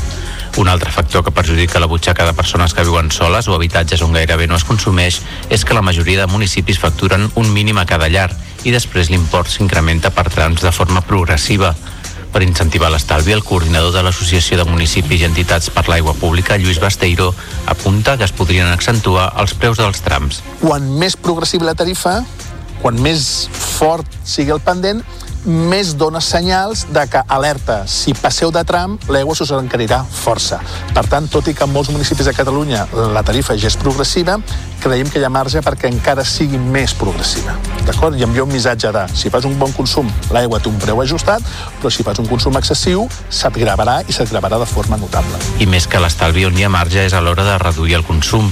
I aquí la MAP fa una crida, més que mai, a la gestió pública de l'aigua. Potser és interessant que la gestió en tingui mans d'operadors que no tenen un interès en vendre al màxim d'un bé que al revés, n'hem de vendre al mínim. S'ha pogut veure que els municipis pioners en aplicar mesures de detecció de fuit, de reducció de pressió, són justament municipis, Manresa, Terrassa, Girona, Mataró, municipis que fan gestió pública de l'aigua. Per tant, creiem que és un bon moment per posar en valor la gestió pública d'un recurs escàs, imprescindible, per la vida com és l'aigua. A Catalunya el preu de l'aigua és un 23% més alt si la gestió és privada. Els municipis catalans han començat a actualitzar diferents mesures per controlar el consum d'aigua i les possibles fuites que es puguin produir en les canonades. Aquest és el cas, per exemple, de Sales de Llierca, la Garrotxa, que ha instal·lat comptadors telemàtics a les 60 cases del municipi per tal de poder preveure abans possibles fuites. Ens ho expliquen des d'ULOTV. A Sales de Llierca han completat la instal·lació de comptadors d'aigua telemàtics a les 60 cases que té el municipi. Es tracta d'un sistema de comptatge més eficient i que no requereix obrir l'arqueta cada cop que es vol fer una comprovació o per detectar una anomalia, ja que en un radi de 500 metres un lector capta la informació. L'actuació ha costat uns 10.000 euros i s'ha fet gràcies a ajudes de la Diputació de Girona. Això eh, facilita molt el tema de lectures de comptadors, i però també ens dona eh, una, un fet important, que és que quan hi ha alguna fuita en alguna casa i veiem que en un sector determinat doncs està consumint més aigua del que tocaria, doncs eh, en aquell moment fem una lectura ràpida dels comptadors d'aquella zona i veiem si n'hi ha algun que estigui eh, consumint des de fa moltes hores.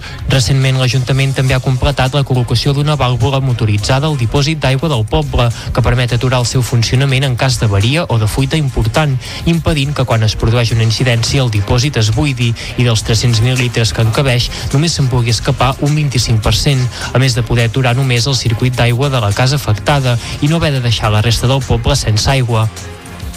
Els experts demanen canvis estructurals i socioeconòmics per reduir les emissions de CO2.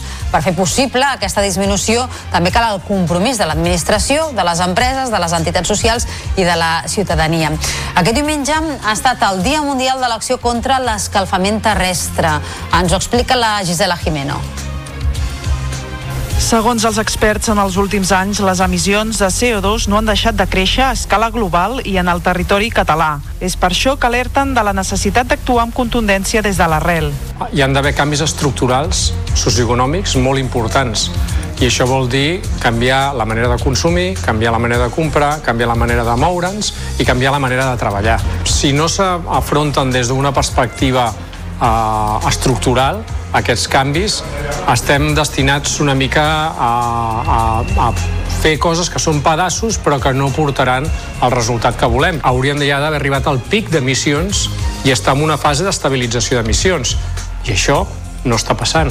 A Catalunya els grans emissors són el transport, conjuntament amb el sector industrial, el sector primari i les llars. Per aquest motiu, des de l'àrea metropolitana de Barcelona valoren positivament les dades recopilades de les zones de baixes emissions que s'han establert fins ara. Hi ha hagut una millora del parc, una millora de l'antiguitat del parc, això això és important de cara als accidents i eh, ha reduït el nombre de morts, de, de morts evitables. Aquest 2024 es preveu que municipis com Viladecans, Cerdanyola, el Prat del Llobregat o Sant Boi del Llobregat, entre d'altres, comptin també amb zones de baixes emissions.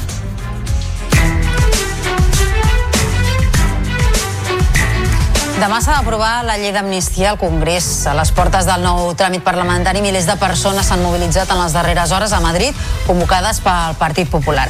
És un acte en què la plana major de la formació ha acusat el govern de Pedro Sánchez de voler deixar sense condemna el que han titllat de terrorisme independentista.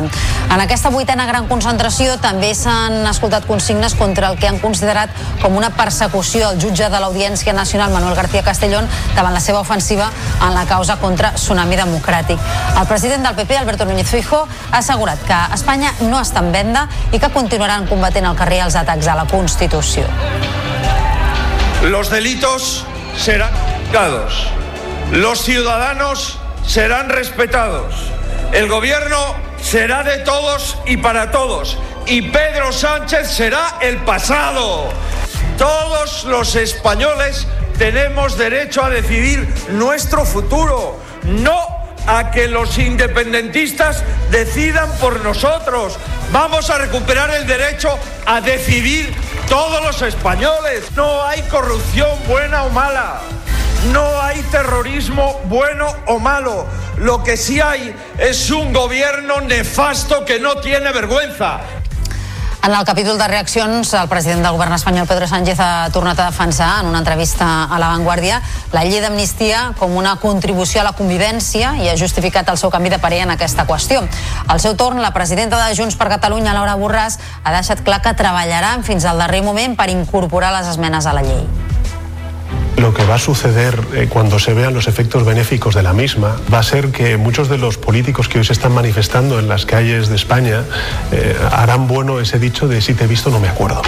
Es cierto que eh, efectivamente he cambiado de, posición respecto a la, a la ley de amnistía, pero también lo es que la situación ha ido evolucionando a favor durante estos últimos cinco años. Fins al temps de descompte, fins a dimarts, les esmenes que estan vives, Junts per Catalunya treballarà per defensar-les, per incorporar-les a la llei. Els ministres d'Afers Europeus de la Unió Europea es reuneixen avui a Brussel·les en una trobada en la qual s'abordarà la situació de l'estat de dret a Espanya. Es tracta d'un debat sobre les recomanacions que la Comissió Europea va fer a l'estat espanyol l'any passat. Ara bé, com a taló de fons, hi haurà l'amnistia pactada entre el PSOE i l'independentisme. El que en aquesta ocasió no abordaran els ministres europeus és l'oficialitat del català, el basc i el gallec, que ha quedat fora de l'agenda per primer cop des del mes de setembre.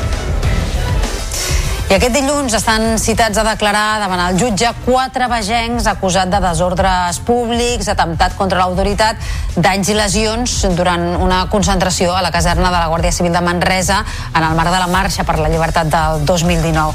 Els seus advocats havien demanat a l'Audiència Provincial de Barcelona la suspensió del judici emparant-se en la futura llei d'amnistia, entenent que obre un nou escenari, però va ser rebutjada la petició.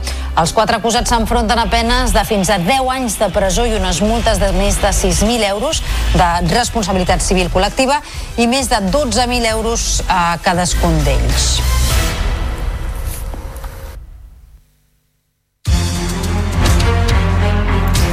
Passarà un minut d'un quart de nou del matí, els Mossos d'Esquadra investiguen la mort violenta d'una dona que ha aparegut a l'interior d'un vehicle a Torroella de Montgrí, al Baix Empordà. Es tracta d'una dona de mitjana edat, veïna del municipi, de la qual se n'havia denunciat la desaparició. L'han trobat en un camí secundari proper a l'Estartit. La Divisió d'Investigació Criminal de Girona dels Mossos s'ha fet càrrec de la investigació i el jutge ha decretat el secret de les actuacions. I aquesta tarda hi haurà una nova sessió de la Comissió d'Investigació del Parlament sobre la pederàstia a l'Església. És una sessió a la qual no hi assistirà l'arcabisbe de Barcelona i president de la conferència episcopal Joan Josep Omella, tot i que és un dels citats. Omella ha argumentat per carta a la presidenta de la Cambra Catalana que, segons el Tribunal Constitucional, no està obligat a anar-hi, però seguint el reglament de funcionament de la comissió se'l tornarà a convocar per d'aquí a tres dies. Si torna a rebutjar la compareixença, la mesa de Parlament en donarà comptes al Ministeri Fiscal. Fem una reunió que hem d'endreçar perquè...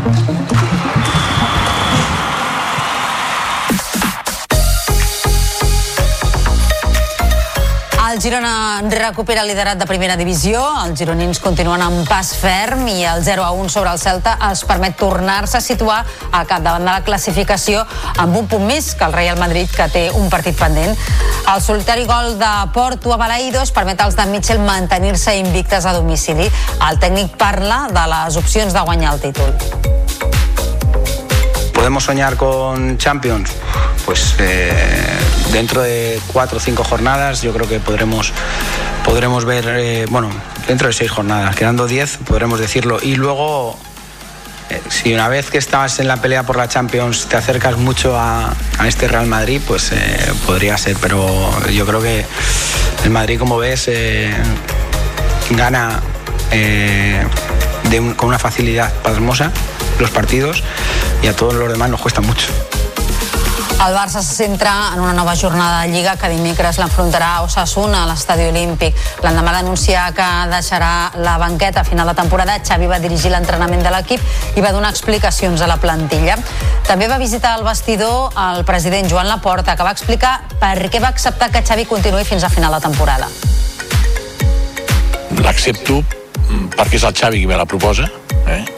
i ell és una llegenda del barcelonisme és una persona honesta eh, actua amb tota dignitat i és una persona que s'estima el Barça tinc el convenciment de que ho puc acceptar perquè el compromís serà màxim d'ell Després de certificar la primera plaça del grup a la Champions, el Barça va tornar a la Lliga F 22 dies després amb una golejada per 0 a 6 contra el Betis. Bruna Vilamala va obrir la llauna amb un xut ajustat al pal. Brooks, amb jugada de Graham Hansen, després un refús, va fer el segon gol i minuts després, papers canviats, passada de Brooks i gol de Hansen, tota sola. Encara abans del descans, Vicky López va fer el quart amb un bon xut des de fora de l'àrea. A la segona part, guió idèntic, però amb menys gols. Graham Hansen va posar el 0 a 5 amb una canonada i al tram final, Aitana va sentenciar. A segona divisió, l'Espanyol queia al Pepico Amat Delda i segueix a 7 punts del lideratge i a 3 de l'ascens directe a primera. Els blanquiblaus no van estar còmodes des del principi i l'Altenc s'avançava amb un gol de Chapela. Un gol en pròpia porta dels alacantins i un penal transformat per Braithwaite permetia l'equip de Ramis capgirar el partit. Però en el temps de descompte de la primera part arribava l'empat, obra novament de Chapela. I en el minut 55 Sergio Ortuño situava el 3 a 2 que ja seria definitiu. Segueix la mala ratxa de l'Espanyol a domicili on no coneix la victòria des del dia 5 d'octubre. A la segona federació, l'Europa va guanyar el derbi davant el Sant Andreu i es manté co-líder empatat amb el Lleida. Els quadribarrats es van avançar amb un penal molt protestat que va transformar Alexis Garcia. L'Europa va capgirar l'electrònic amb un doblet de Cerveti. El Sant Andreu empatava amb una altra diana d'Alexis Garcia i ja el descompte arribava al 2 a 3 definitiu amb una rematada de Javi Eslava a passada de Mario. Escoltem el jugador del Sant Andreu, Alexis Garcia, i el tècnic de l'Europa, Ramon Gatell. estem dolguts per, per no haver guanyat el derbi, a, haver tornat a l'afició, l'esforç que ha fet en omplir el Narcís Sala, que això feia molt de temps que no es veia, i al final dolguts per això, per no poder donar-li la, la victòria. Ha sigut un partit disputat, era un derbi, el que comporta un derbi, amb tot l'ambientazo, perquè ha sigut espectacular. La veritat que li hem de donar molt de valor al futbol català i aquesta a la Lliga Endesa, el Barça superava el Cué al Palència, 102 a 94. Els visitants plantaven cara fins als darrers dos minuts, moment en què els de Roger Grimau posaven la directa i s'acabaven escapant al marcador. Javari Parri, que era amb 18 punts, va ser el màxim anotador blaugrana. Aquest és el quart triomf consecutiu dels blaugranes a la CB i serveix per passar pàgina de la derrota de divendres a l'Eurolliga. El Barça continua tercer i retalla una victòria al líder, el Madrid, que queia a la pista del Gran Canària. I victòria del Girona que trencava la mala ratxa en el debut de Fotis Katsikaris. Els gironins suaven de valent i no podien trencar el partit fins al tercer període amb un parcial de 26 a 9. Pons, amb 15 punts, 5 rebots i 21 de valoració, va ser un dels jugadors més determinants de l'equip local. El Girona trenca la dinàmica de 7 derrotes seguides i se situa amb un balanç de 8 triomfs i 12 derrotes. Analitza el triomf el jugador Eric Vila. Sí, la veritat que l'equip està molt sòlid a uh, 40 minuts, uh, sí que ens ha costat una mica començar a agafar el ritme, però crec que hem estat molt bé, uh, hem defensat ben de, de la mitja pista, crec que era una que havíem de millorar i res, contents per la victòria. A la Parlem Hockey Lliga, el Voltregà es va emportar el duel directe contra el Reus i d'aquesta manera passar a superar-lo a la classificació.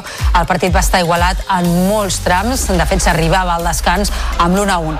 Ja a la segona part es tornaven a avançar els usonencs i el Reus tornava a deixar l'empat al marcador. Però un minut després, Àlex Rodríguez feia el tercer i poc després el quart. Eric Vargas sentenciava amb el cinquè. El Reus, mitjançant Gelmà, feia el 5-3 definitiu. Els roig i negres allarguen la seva seva irregularitat i continuen amb 5 punts dels últims 18 possibles. Àlex Rodríguez, jugador del Voltregà, i Arnau Canals del Reus. La Lliga està molt ajustada i quan, quan jugues a casa has de guanyar sí o sí. Vam perdre els 3 punts de, de Girona i no vam donar la cara al Palau i sabíem que avui era important per nosaltres per tornar a recuperar sensacions. Perdre no es posa mai bé, uh, sabíem que era una pista difícil, amb un rival difícil. Uh, tots els partits seran així ara thank you.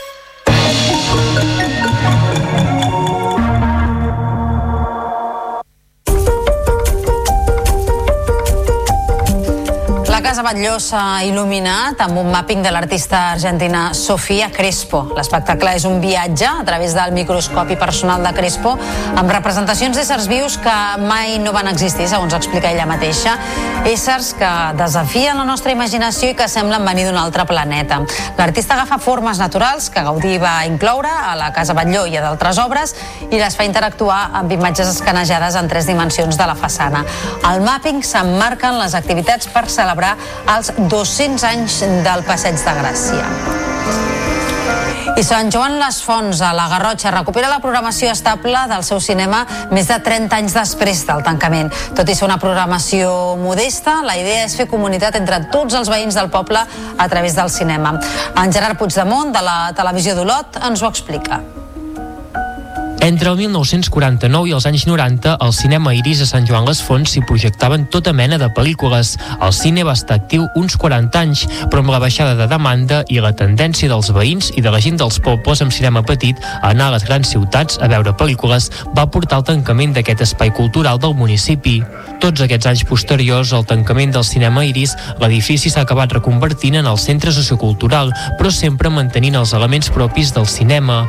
Ara, i a petició d'alguns veïns, anys, l'Ajuntament ha recuperat una programació mínimament estable. Moltes persones del municipi ens deien de poder recuperar alguna mica l'activitat en aquest sentit, sobretot les tardes d'hivern, ja quan és més a la primavera o així hi ha més oferta o hi ha més ganes de sortir cap a l'exterior. L'oferta actual es basa en les tardes de cine el diumenge un cop al mes i amb la iniciativa del Cine Xic d'Òmnium, amb diverses projeccions durant l'any. La idea és que el cine esdevingui un nou punt de trobada al poble i una nova eina per fer comunitat. I encara parlant de cinemes, el casal Camprodoní engega una campanya de captació de socis per poder continuar amb les projeccions. En són uns 600, però la majoria tenen més de 55 anys. Ara busquen implicació entre els més joves de Camprodon. La Judit Espert de la televisió del Ripollès ens en parla. El casal Campredoní busca socis. L'entitat és l'encarregada de la gestió del cinema de Campredon i gràcies a la perseverança dels seus membres i l'estima que tenen cap al setè art han aconseguit mantenir viva l'associació i donar continuïtat a la projecció de pel·lícules cada setmana. Ara el problema que tenen és el relleu perquè afirmen que no hi ha joves que s'impliquin en mantenir viva l'entitat i en definitiva la supervivència del cinema. Si en un poble es tanquen les, les botigues del poble o de la ciutat i llavors es tanquen els cinemes, què queda? Dormitoris. Sí, pisos dormitoris, la gent no fa vida social i, la, i el cinema fomenta la vida social. Actualment són uns 600 socis, però la majoria tenen més de 55 anys. Durant les darreres setmanes han aconseguit sumar-ne uns quants més, però consideren que encara falta implicació, sobretot dels més joves. I abans de la pausa us expliquem que el grup barceloní Ginesta ha publicat l'avançament del seu nou àlbum que veurà la llum el proper 9 de febrer. Es tracta de La meva sort, una cançó que parla sobre viure la vida el més intensament possible. Si ho faria tot per tu, potser em fa por el present,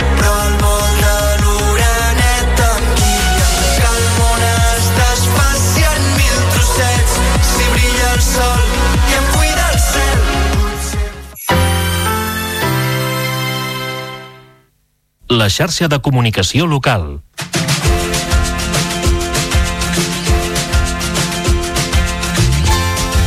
Viatges quilòmetre zero, amb l'escriptora Núria Esponellà. Petits accidents de viatge. De bon matí emprenem ruta per un massís costaner per arribar fins al mar. Anem amb el tractoret que pot enfilar muntanyes perquè volem deixar la carretera local enrere i agafar camins que només es poden fer a peu. És una mica arriscat perquè no sabem si enmig del bosc hi haurà cobertura, però estem disposats, com deia el poeta Keats, a viure immersos en incerteses, misteris i dubtes durant unes hores, a veure què passa. Ens enlairem per corrir els poc traçats, plens de rocs que ens obliguen a avançar lentament, salvant desnivells. En algun moment el corriol queda cobert de branques d'arbres que algun caminant deu haver tallat per fer-se camí. Tot i això seguim fins que una estona més tard ens adonem que una de les rodes perd vent. S'hi ha clavat una punxa d'arts que no havíem vist. Tampoc tenim cobertura, no funciona el GPS ni sabem ben bé en quin punt de muntanya estem. És el preu que paguem per aventurar-nos sense seguretat absoluta. Tanmateix no voldríem que ens hagin de venir a rescatar i tenim un pla B. Portem un petit compressor d'emergència per donar vent a les rodes. L'endollem al cendrer i aconseguim reinflar la roda i proseguir. Confiem el corriol ha de desembocar en algun camí i arribats en un punt més alt recuperem la cobertura. Per sort, estem a prop d'una carretera de revolts que s'aixeca sobre la costa. Només ens caldrà arribar al poble, que aviat es veu des d'on som, com una taca clapejada blanc sobre el mar blau, i buscarem un mecànic que pedaci la roda mentre fem turisme.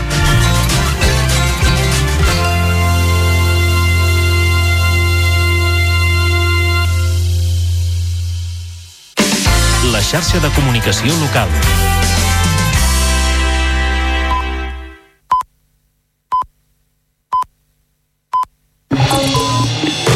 Notícies en xarxa, edició matí. Amb Taís Trujillo.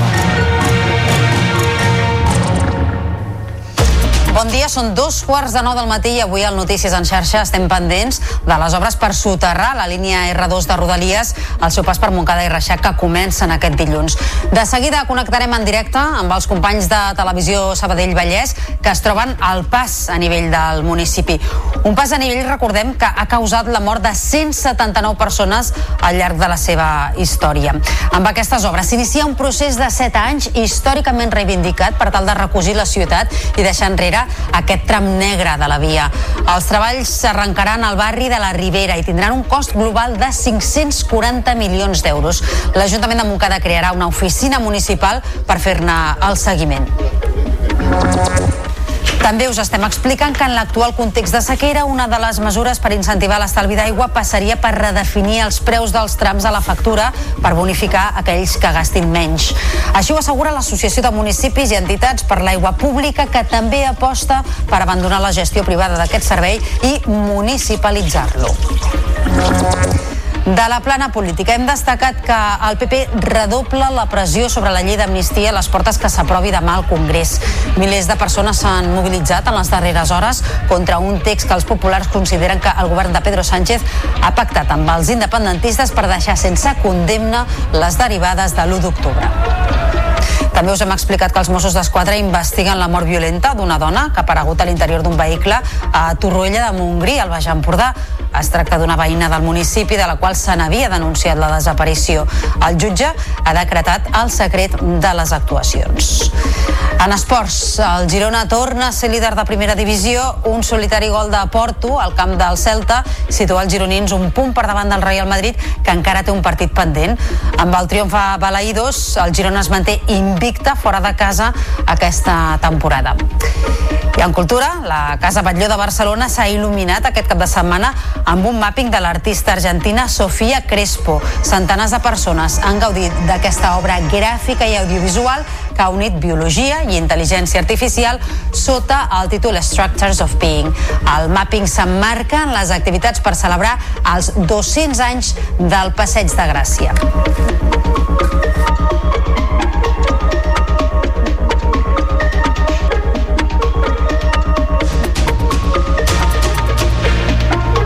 Notícies en xarxa, edició matí.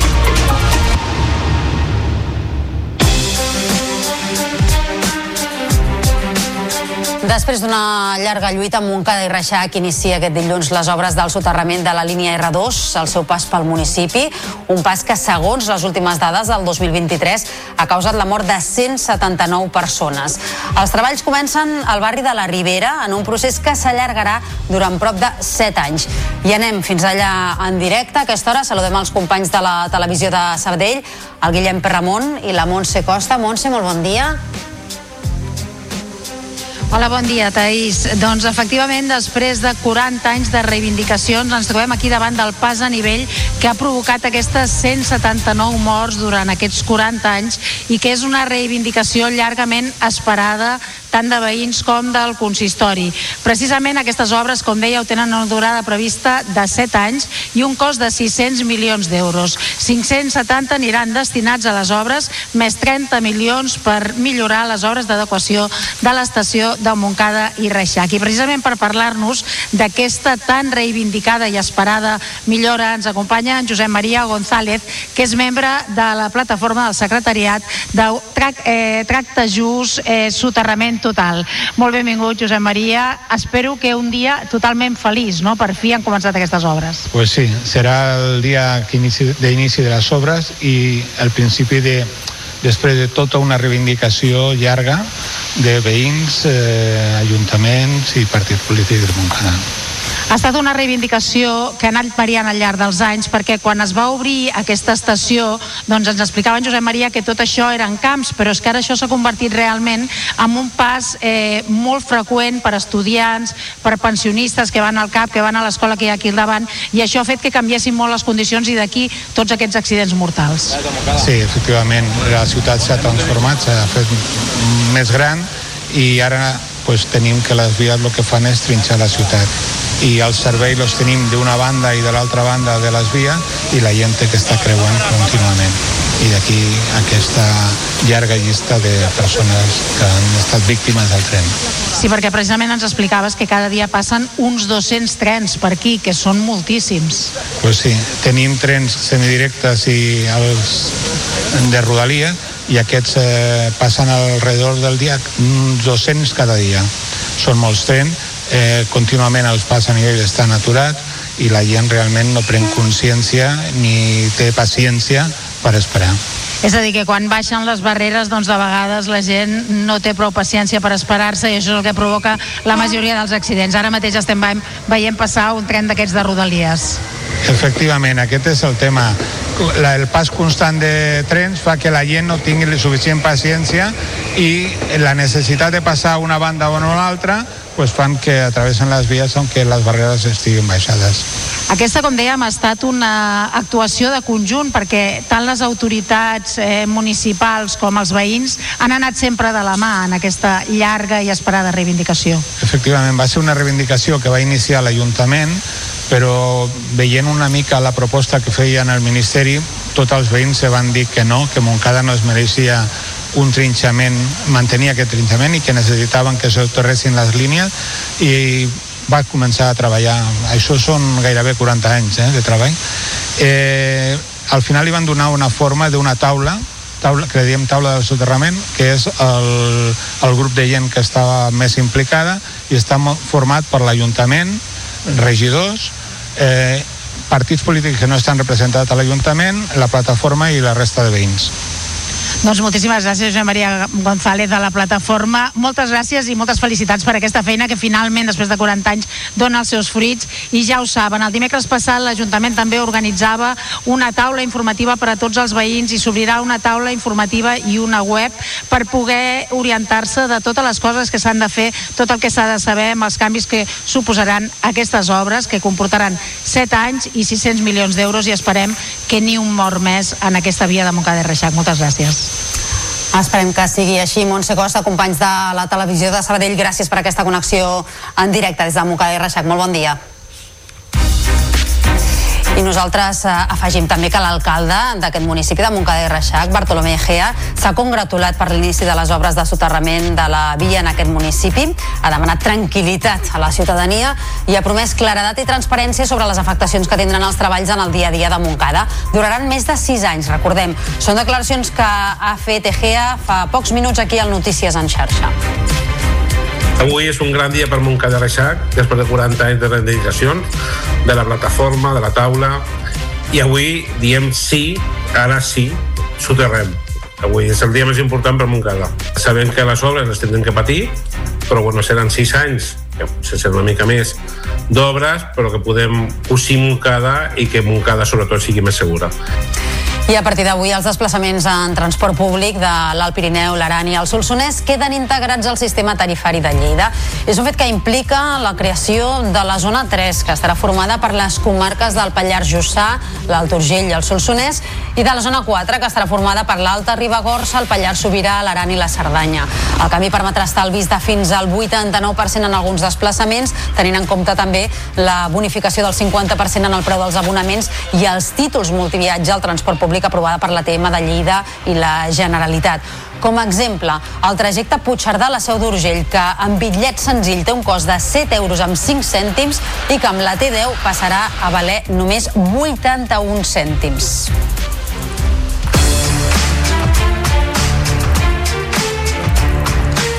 Demà s'ha d'aprovar la llei d'amnistia al Congrés. A les portes del nou tràmit parlamentari, milers de persones s'han mobilitzat en les darreres hores a Madrid convocades eh, pel Partit Popular. Un acte en què la plana major de la formació ha acusat el govern de Pedro Sánchez de voler deixar sense condemna el que han titllat de terrorisme independentista. En aquesta vuitena gran concentració també s'han escoltat consignes contra el que han considerat com una persecució al jutge de l'Audiència Nacional, Manuel García Castellón, davant la seva ofensiva en la causa contra Tsunami Democràtic. El president del PP, Alberto Núñez Feijóo, ha assegurat que Espanya no està en venda i que continuaran combatent al carrer els atacs a la Constitució. Los delitos serán castigados. Los ciudadanos serán respetados. El gobierno será de todos y para todos. Y Pedro Sánchez será el pasado. Todos los españoles tenemos derecho a decidir nuestro futuro, no a que los independentistas decidan por nosotros. Vamos a recuperar el derecho a decidir todos los españoles. No hay corrupción buena o mala. No hay terrorismo bueno o malo. Lo que sí hay es un gobierno nefasto que no tiene vergüenza. En el capítol de reaccions, el president del govern espanyol, Pedro Sánchez, ha tornat a defensar en una entrevista a La Vanguardia la llei d'amnistia com una contribució a la convivència i ha justificat el seu canvi de parer sobre aquesta qüestió. I al seu torn, la presidenta de Junts per Catalunya, Laura Borràs, ha deixat clar que treballaran fins al darrer moment per tal d'incorporar les esmenes a la llei. Lo que va a suceder eh, cuando se vean los efectos benéficos de la misma va a ser que muchos de los políticos que hoy se están manifestando en las calles de España eh, harán bueno ese dicho de si te he visto no me acuerdo. Es cierto que eh, efectivamente he cambiado de, posición respecto a la, a la ley de amnistía pero eh, también lo es que la situación ha ido evolucionando a favor durante estos últimos cinco años. Fins al temps de descompte, fins a dimarts, les esmenes que estan vives, Junts per Catalunya treballarà per defensar-les, per incorporar-les a la llei. Els ministres d'Afers Europeus de la Unió Europea es reuneixen avui a Brussel·les en una trobada en la qual s'abordarà la situació de l'estat de dret a Espanya. Es tracta d'un debat sobre les recomanacions que la Comissió Europea va fer a l'estat espanyol l'any passat. Ara bé, com a taló de fons, hi haurà l'amnistia pactada entre el PSOE i l'independentisme. El que en aquesta ocasió no abordaran els ministres europeus és l'oficialitat del català, el basc i el gallec, que han quedat fora de l'agenda per primer cop des del mes de setembre.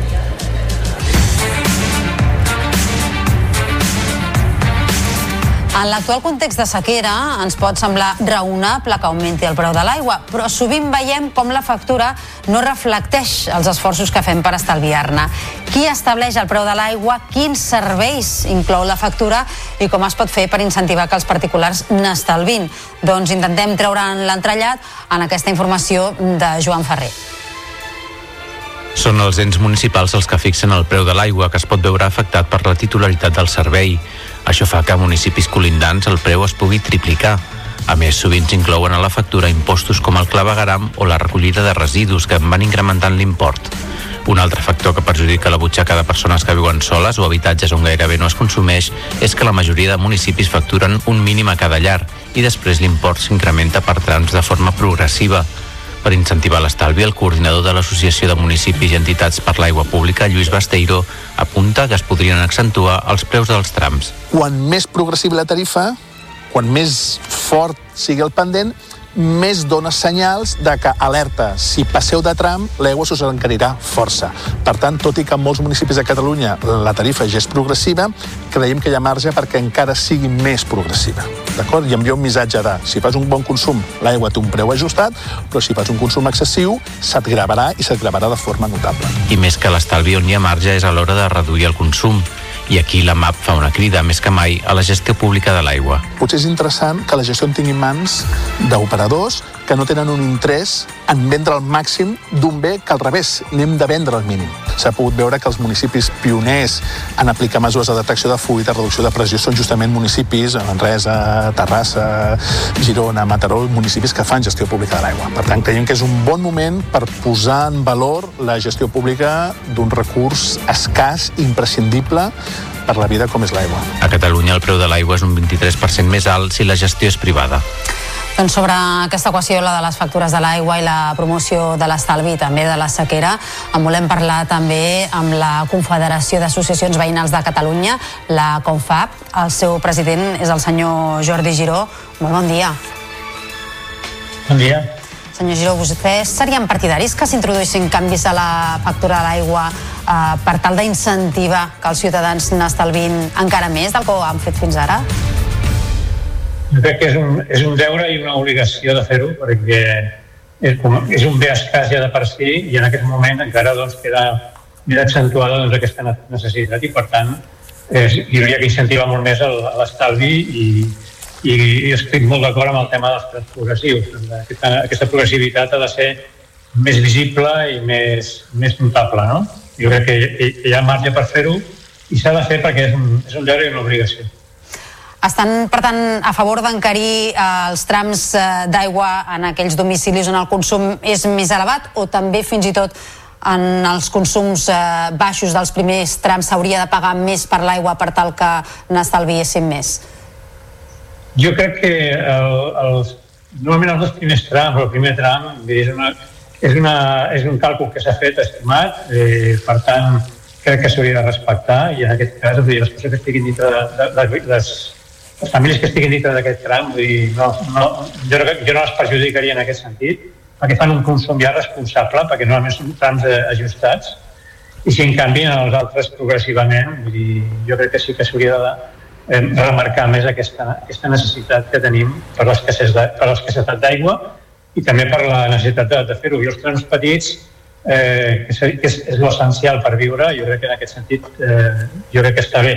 No s'hauria de, no s'hauria d'encarir, sinó s'hauria de mantenir. Vull dir que és una, un aspecte de responsabilitat de situar-se a les famílies dintre d'aquest dintre d'aquest target, no? dintre d'aquest tram. Tot i que després ja sabem doncs, que a part dels trams hi ha gent que tenen fixes, no? que aquest és un element també a considerar. Perquè pel que fa al debat sobre la gestió de l'aigua, la titularitat de la gestió de l'aigua, si ha de ser pública o privada, eh, com varia el preu i què és el que convé tant al, al ciutadà com a les administracions. En aquest punt, on se situen a la Confab? Miri, nosaltres en aquest sentit eh, li diria dues coses. Una, eh, jo crec que hem de deixar clar que l'aigua sempre és pública i serà pública, com a, com a bé universal, i per tant aquest és un element primordial. A partir d'aquí els municipis estableixen una mica la, les tendències d'aquells canvis que estimen de fer, municipalitzar-la o bé fer-la en concessions o com hagi, com hagi de ser. I tenim tres fórmules, no? El que seria la municipalització, la privatització i la mixta. Hi ha tres, tres fórmules en aquest moment. Jo crec que aquí els municipis han de triar la, la, la més idònia pel que sembla, doncs, en moments determinats, el que passa que el rebut de l'aigua en, en alguns municipis contempla eh, externalitats o elements que poden incloure, el cas de Barcelona és un cas, on recollia la, la taxa de recollida de, de residus domiciliaris i per tant aquest és un element que encareix eh, el que diríem la factura de l'aigua i per tant el que aquí caldria és tindre una uniformitat a tots els municipis de Catalunya en el sentit de, de que aquests rebuts de l'aigua es poguessin comparar seria la manera efectiva de poder arribar a aquestes conclusions, no? perquè tenim eh, municipis que quan analitzem doncs, realment el total de la factura de l'aigua es veu una desviació molt gran, però no solament perquè el preu, el preu de l'aigua és més car, sinó que a més a més hi ha tots aquests afegits que anem sumant i que per tant desvirtuen a comparació d'un municipi amb l'altre. No? Per tant, en aquest sentit, crec que això s'hauria de tenir en compte i és prou important doncs, per valorar-ho. No? I per tant, jo crec que és, una, és, una, és un element que avui no ens permet fer aquesta comparació fàcil. I sobretot, el més important, que el ciutadà i la ciutadana ho entengui, no?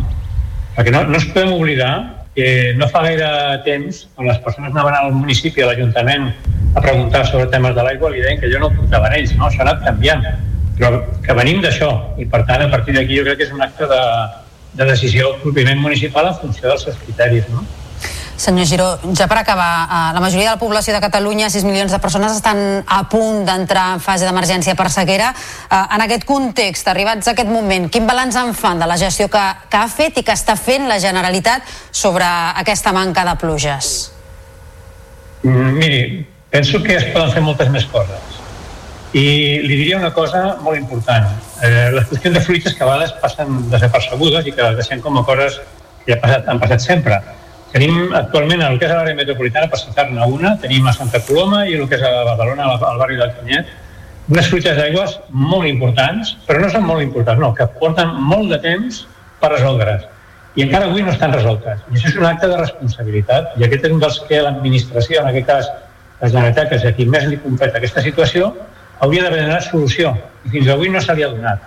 I per tant, és un element que, que diria, que els ciutadans i ciutadanes han de, han de el cinturó amb l'estalvi de l'aigua perquè són, és una responsabilitat pròpia de la comunitat, però diria que les administracions aquí, en el tema de les fuites, poden fer molt més.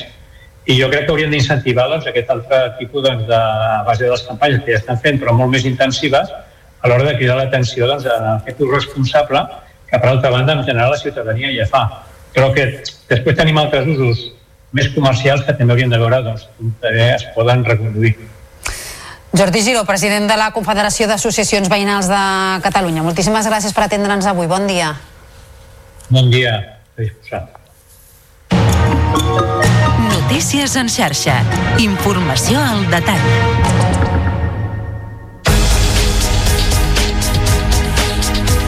Un any més, Valls s'ha omplert a passar amb la gran festa de la calçotada. La 42a edició celebrada aquest diumenge ha plegat milers de persones que han gaudit d'exhibicions i de degustacions de calçots i de la salsa tradicional que els acompanya. Al concurs de menjar calçots se l'ha endut Toni Hernández, que n'ha ingerit una mica més de 3 quilos, o el que és el mateix, 240 calçots.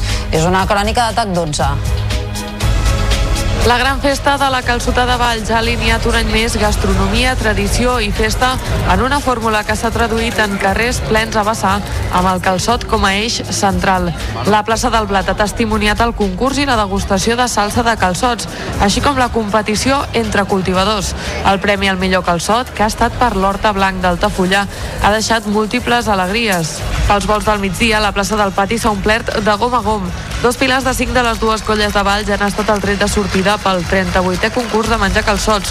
Toni Hernández se n'ha endut aquesta edició amb 3 quilos 60 grams de calçot repartits en 240 unitats. És la vuitena vegada que concurso i la primera que quedo primer. Havia quedat segon, tercer, també havia fet algun tercer por, eh, posició. I l'any que ve pues, em centraré en el concurs de salsa. A la plaça de l'Oli, espai per demostrar com es couen els calçots a la brasa. Allà la tradició convivia amb la novetat, amb propostes que mantenen el calçot com a ingredient estrella.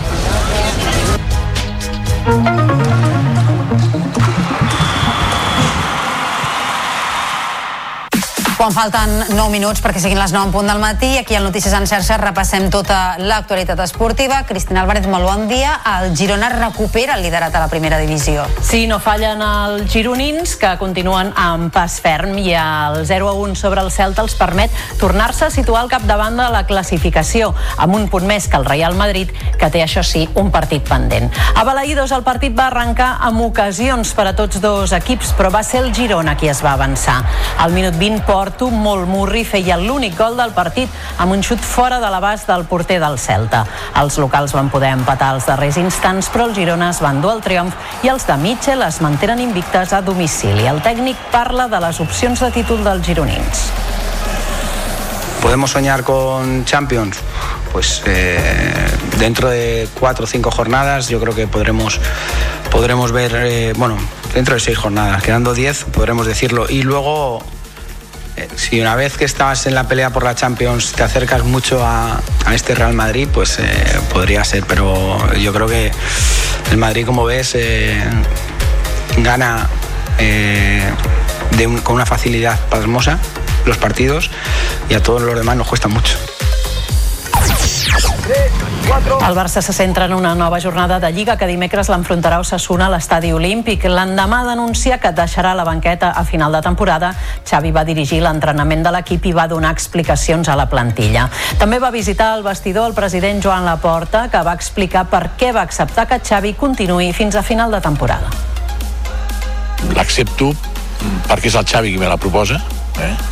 i ell és una agenda del barcelonisme és una persona honesta, eh, actua amb tota dignitat i és una persona que s'estima el Barça. Tinc el convenciment de que ho puc acceptar perquè el compromís serà màxim d'ell Després de certificar la primera plaça del grup a la Champions, el Barça va tornar a la Lliga F 22 dies després amb una golejada per 0 a 6 contra el Betis. Bruna Vilamala va obrir la llauna amb un xut ajustat al pal. Brooks, amb jugada de Graham Hansen, després d'un refús, va fer el segon gol. I minuts després, papers canviats, passada de Brooks i gol de Hansen, tota sola. Encara abans del descans, Vicky López va fer el quart amb un bon xut des de fora de l'àrea. A la segona part, guió idèntic, però amb menys gols. Graham Hansen va posar el 0 a 5 amb una canonada i al tram final, Aitana va sentenciar des del segon pal en una passada de la mort de Pina. A segona divisió, l'Espanyol queia el Pepico Amat d'Elda i segueix a 7 punts del lideratge i a 3 de l'ascens directe a primera. Els blanquiblaus no van estar còmodes des del principi i Chapela va avançar l'Aldenc al minut 9. Un gol en pròpia porta dels alacantins i un penal transformat per Braithwaite va capgirar el partit, però en el temps de descompte de la primera part arribava l'empat, obra novament de Chapela. En el minut 55, Sergio Ortuño va situar el 3 a 2, que ja seria definitiu. Segueix, doncs, la mala ratxa de l'Espanyol a domicili, on no coneix la victòria des del 5 d'octubre. A la Lliga Endesa, el Barça va superar el Cuel Palència per 102 a 94. Els visitants van plantar cara fins als darrers dos minuts, moment en què els de Roger Grimau van posar la directa i van sentenciar el partit. Javari Parker, amb 18 punts, va ser el màxim anotador blaugrana. Aquest és el quart triomf consecutiu del Barça a l'ACB i serveix per passar pàgina de la derrota de divendres a l'Eurolliga. Els blaugranes són tercers i retallen una victòria al líder, el Real Madrid, que va caure a la pista del Gran Canària.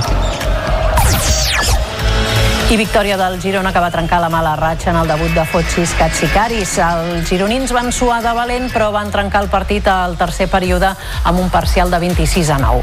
Pons amb 15 punts, 5 rebots i 21 de valoració va ser un dels jugadors més determinants de l'equip local. El Girona trenca la dinàmica de 7 derrotes seguides i se situa amb 8 triomfs i 12 derrotes.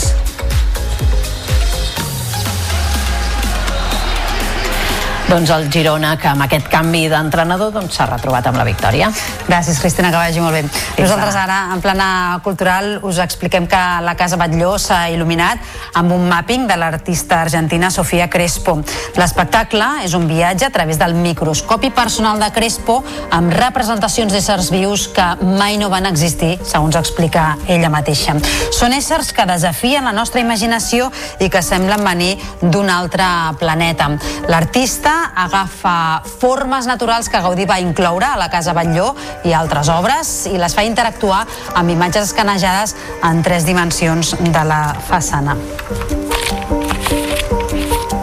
Doncs així hem arribat al final del Notícies en xarxa d'aquest dilluns 29 de gener. Com sempre, tornem demà a primera hora amb més informació de territori. Que passin una bona jornada. Adéu.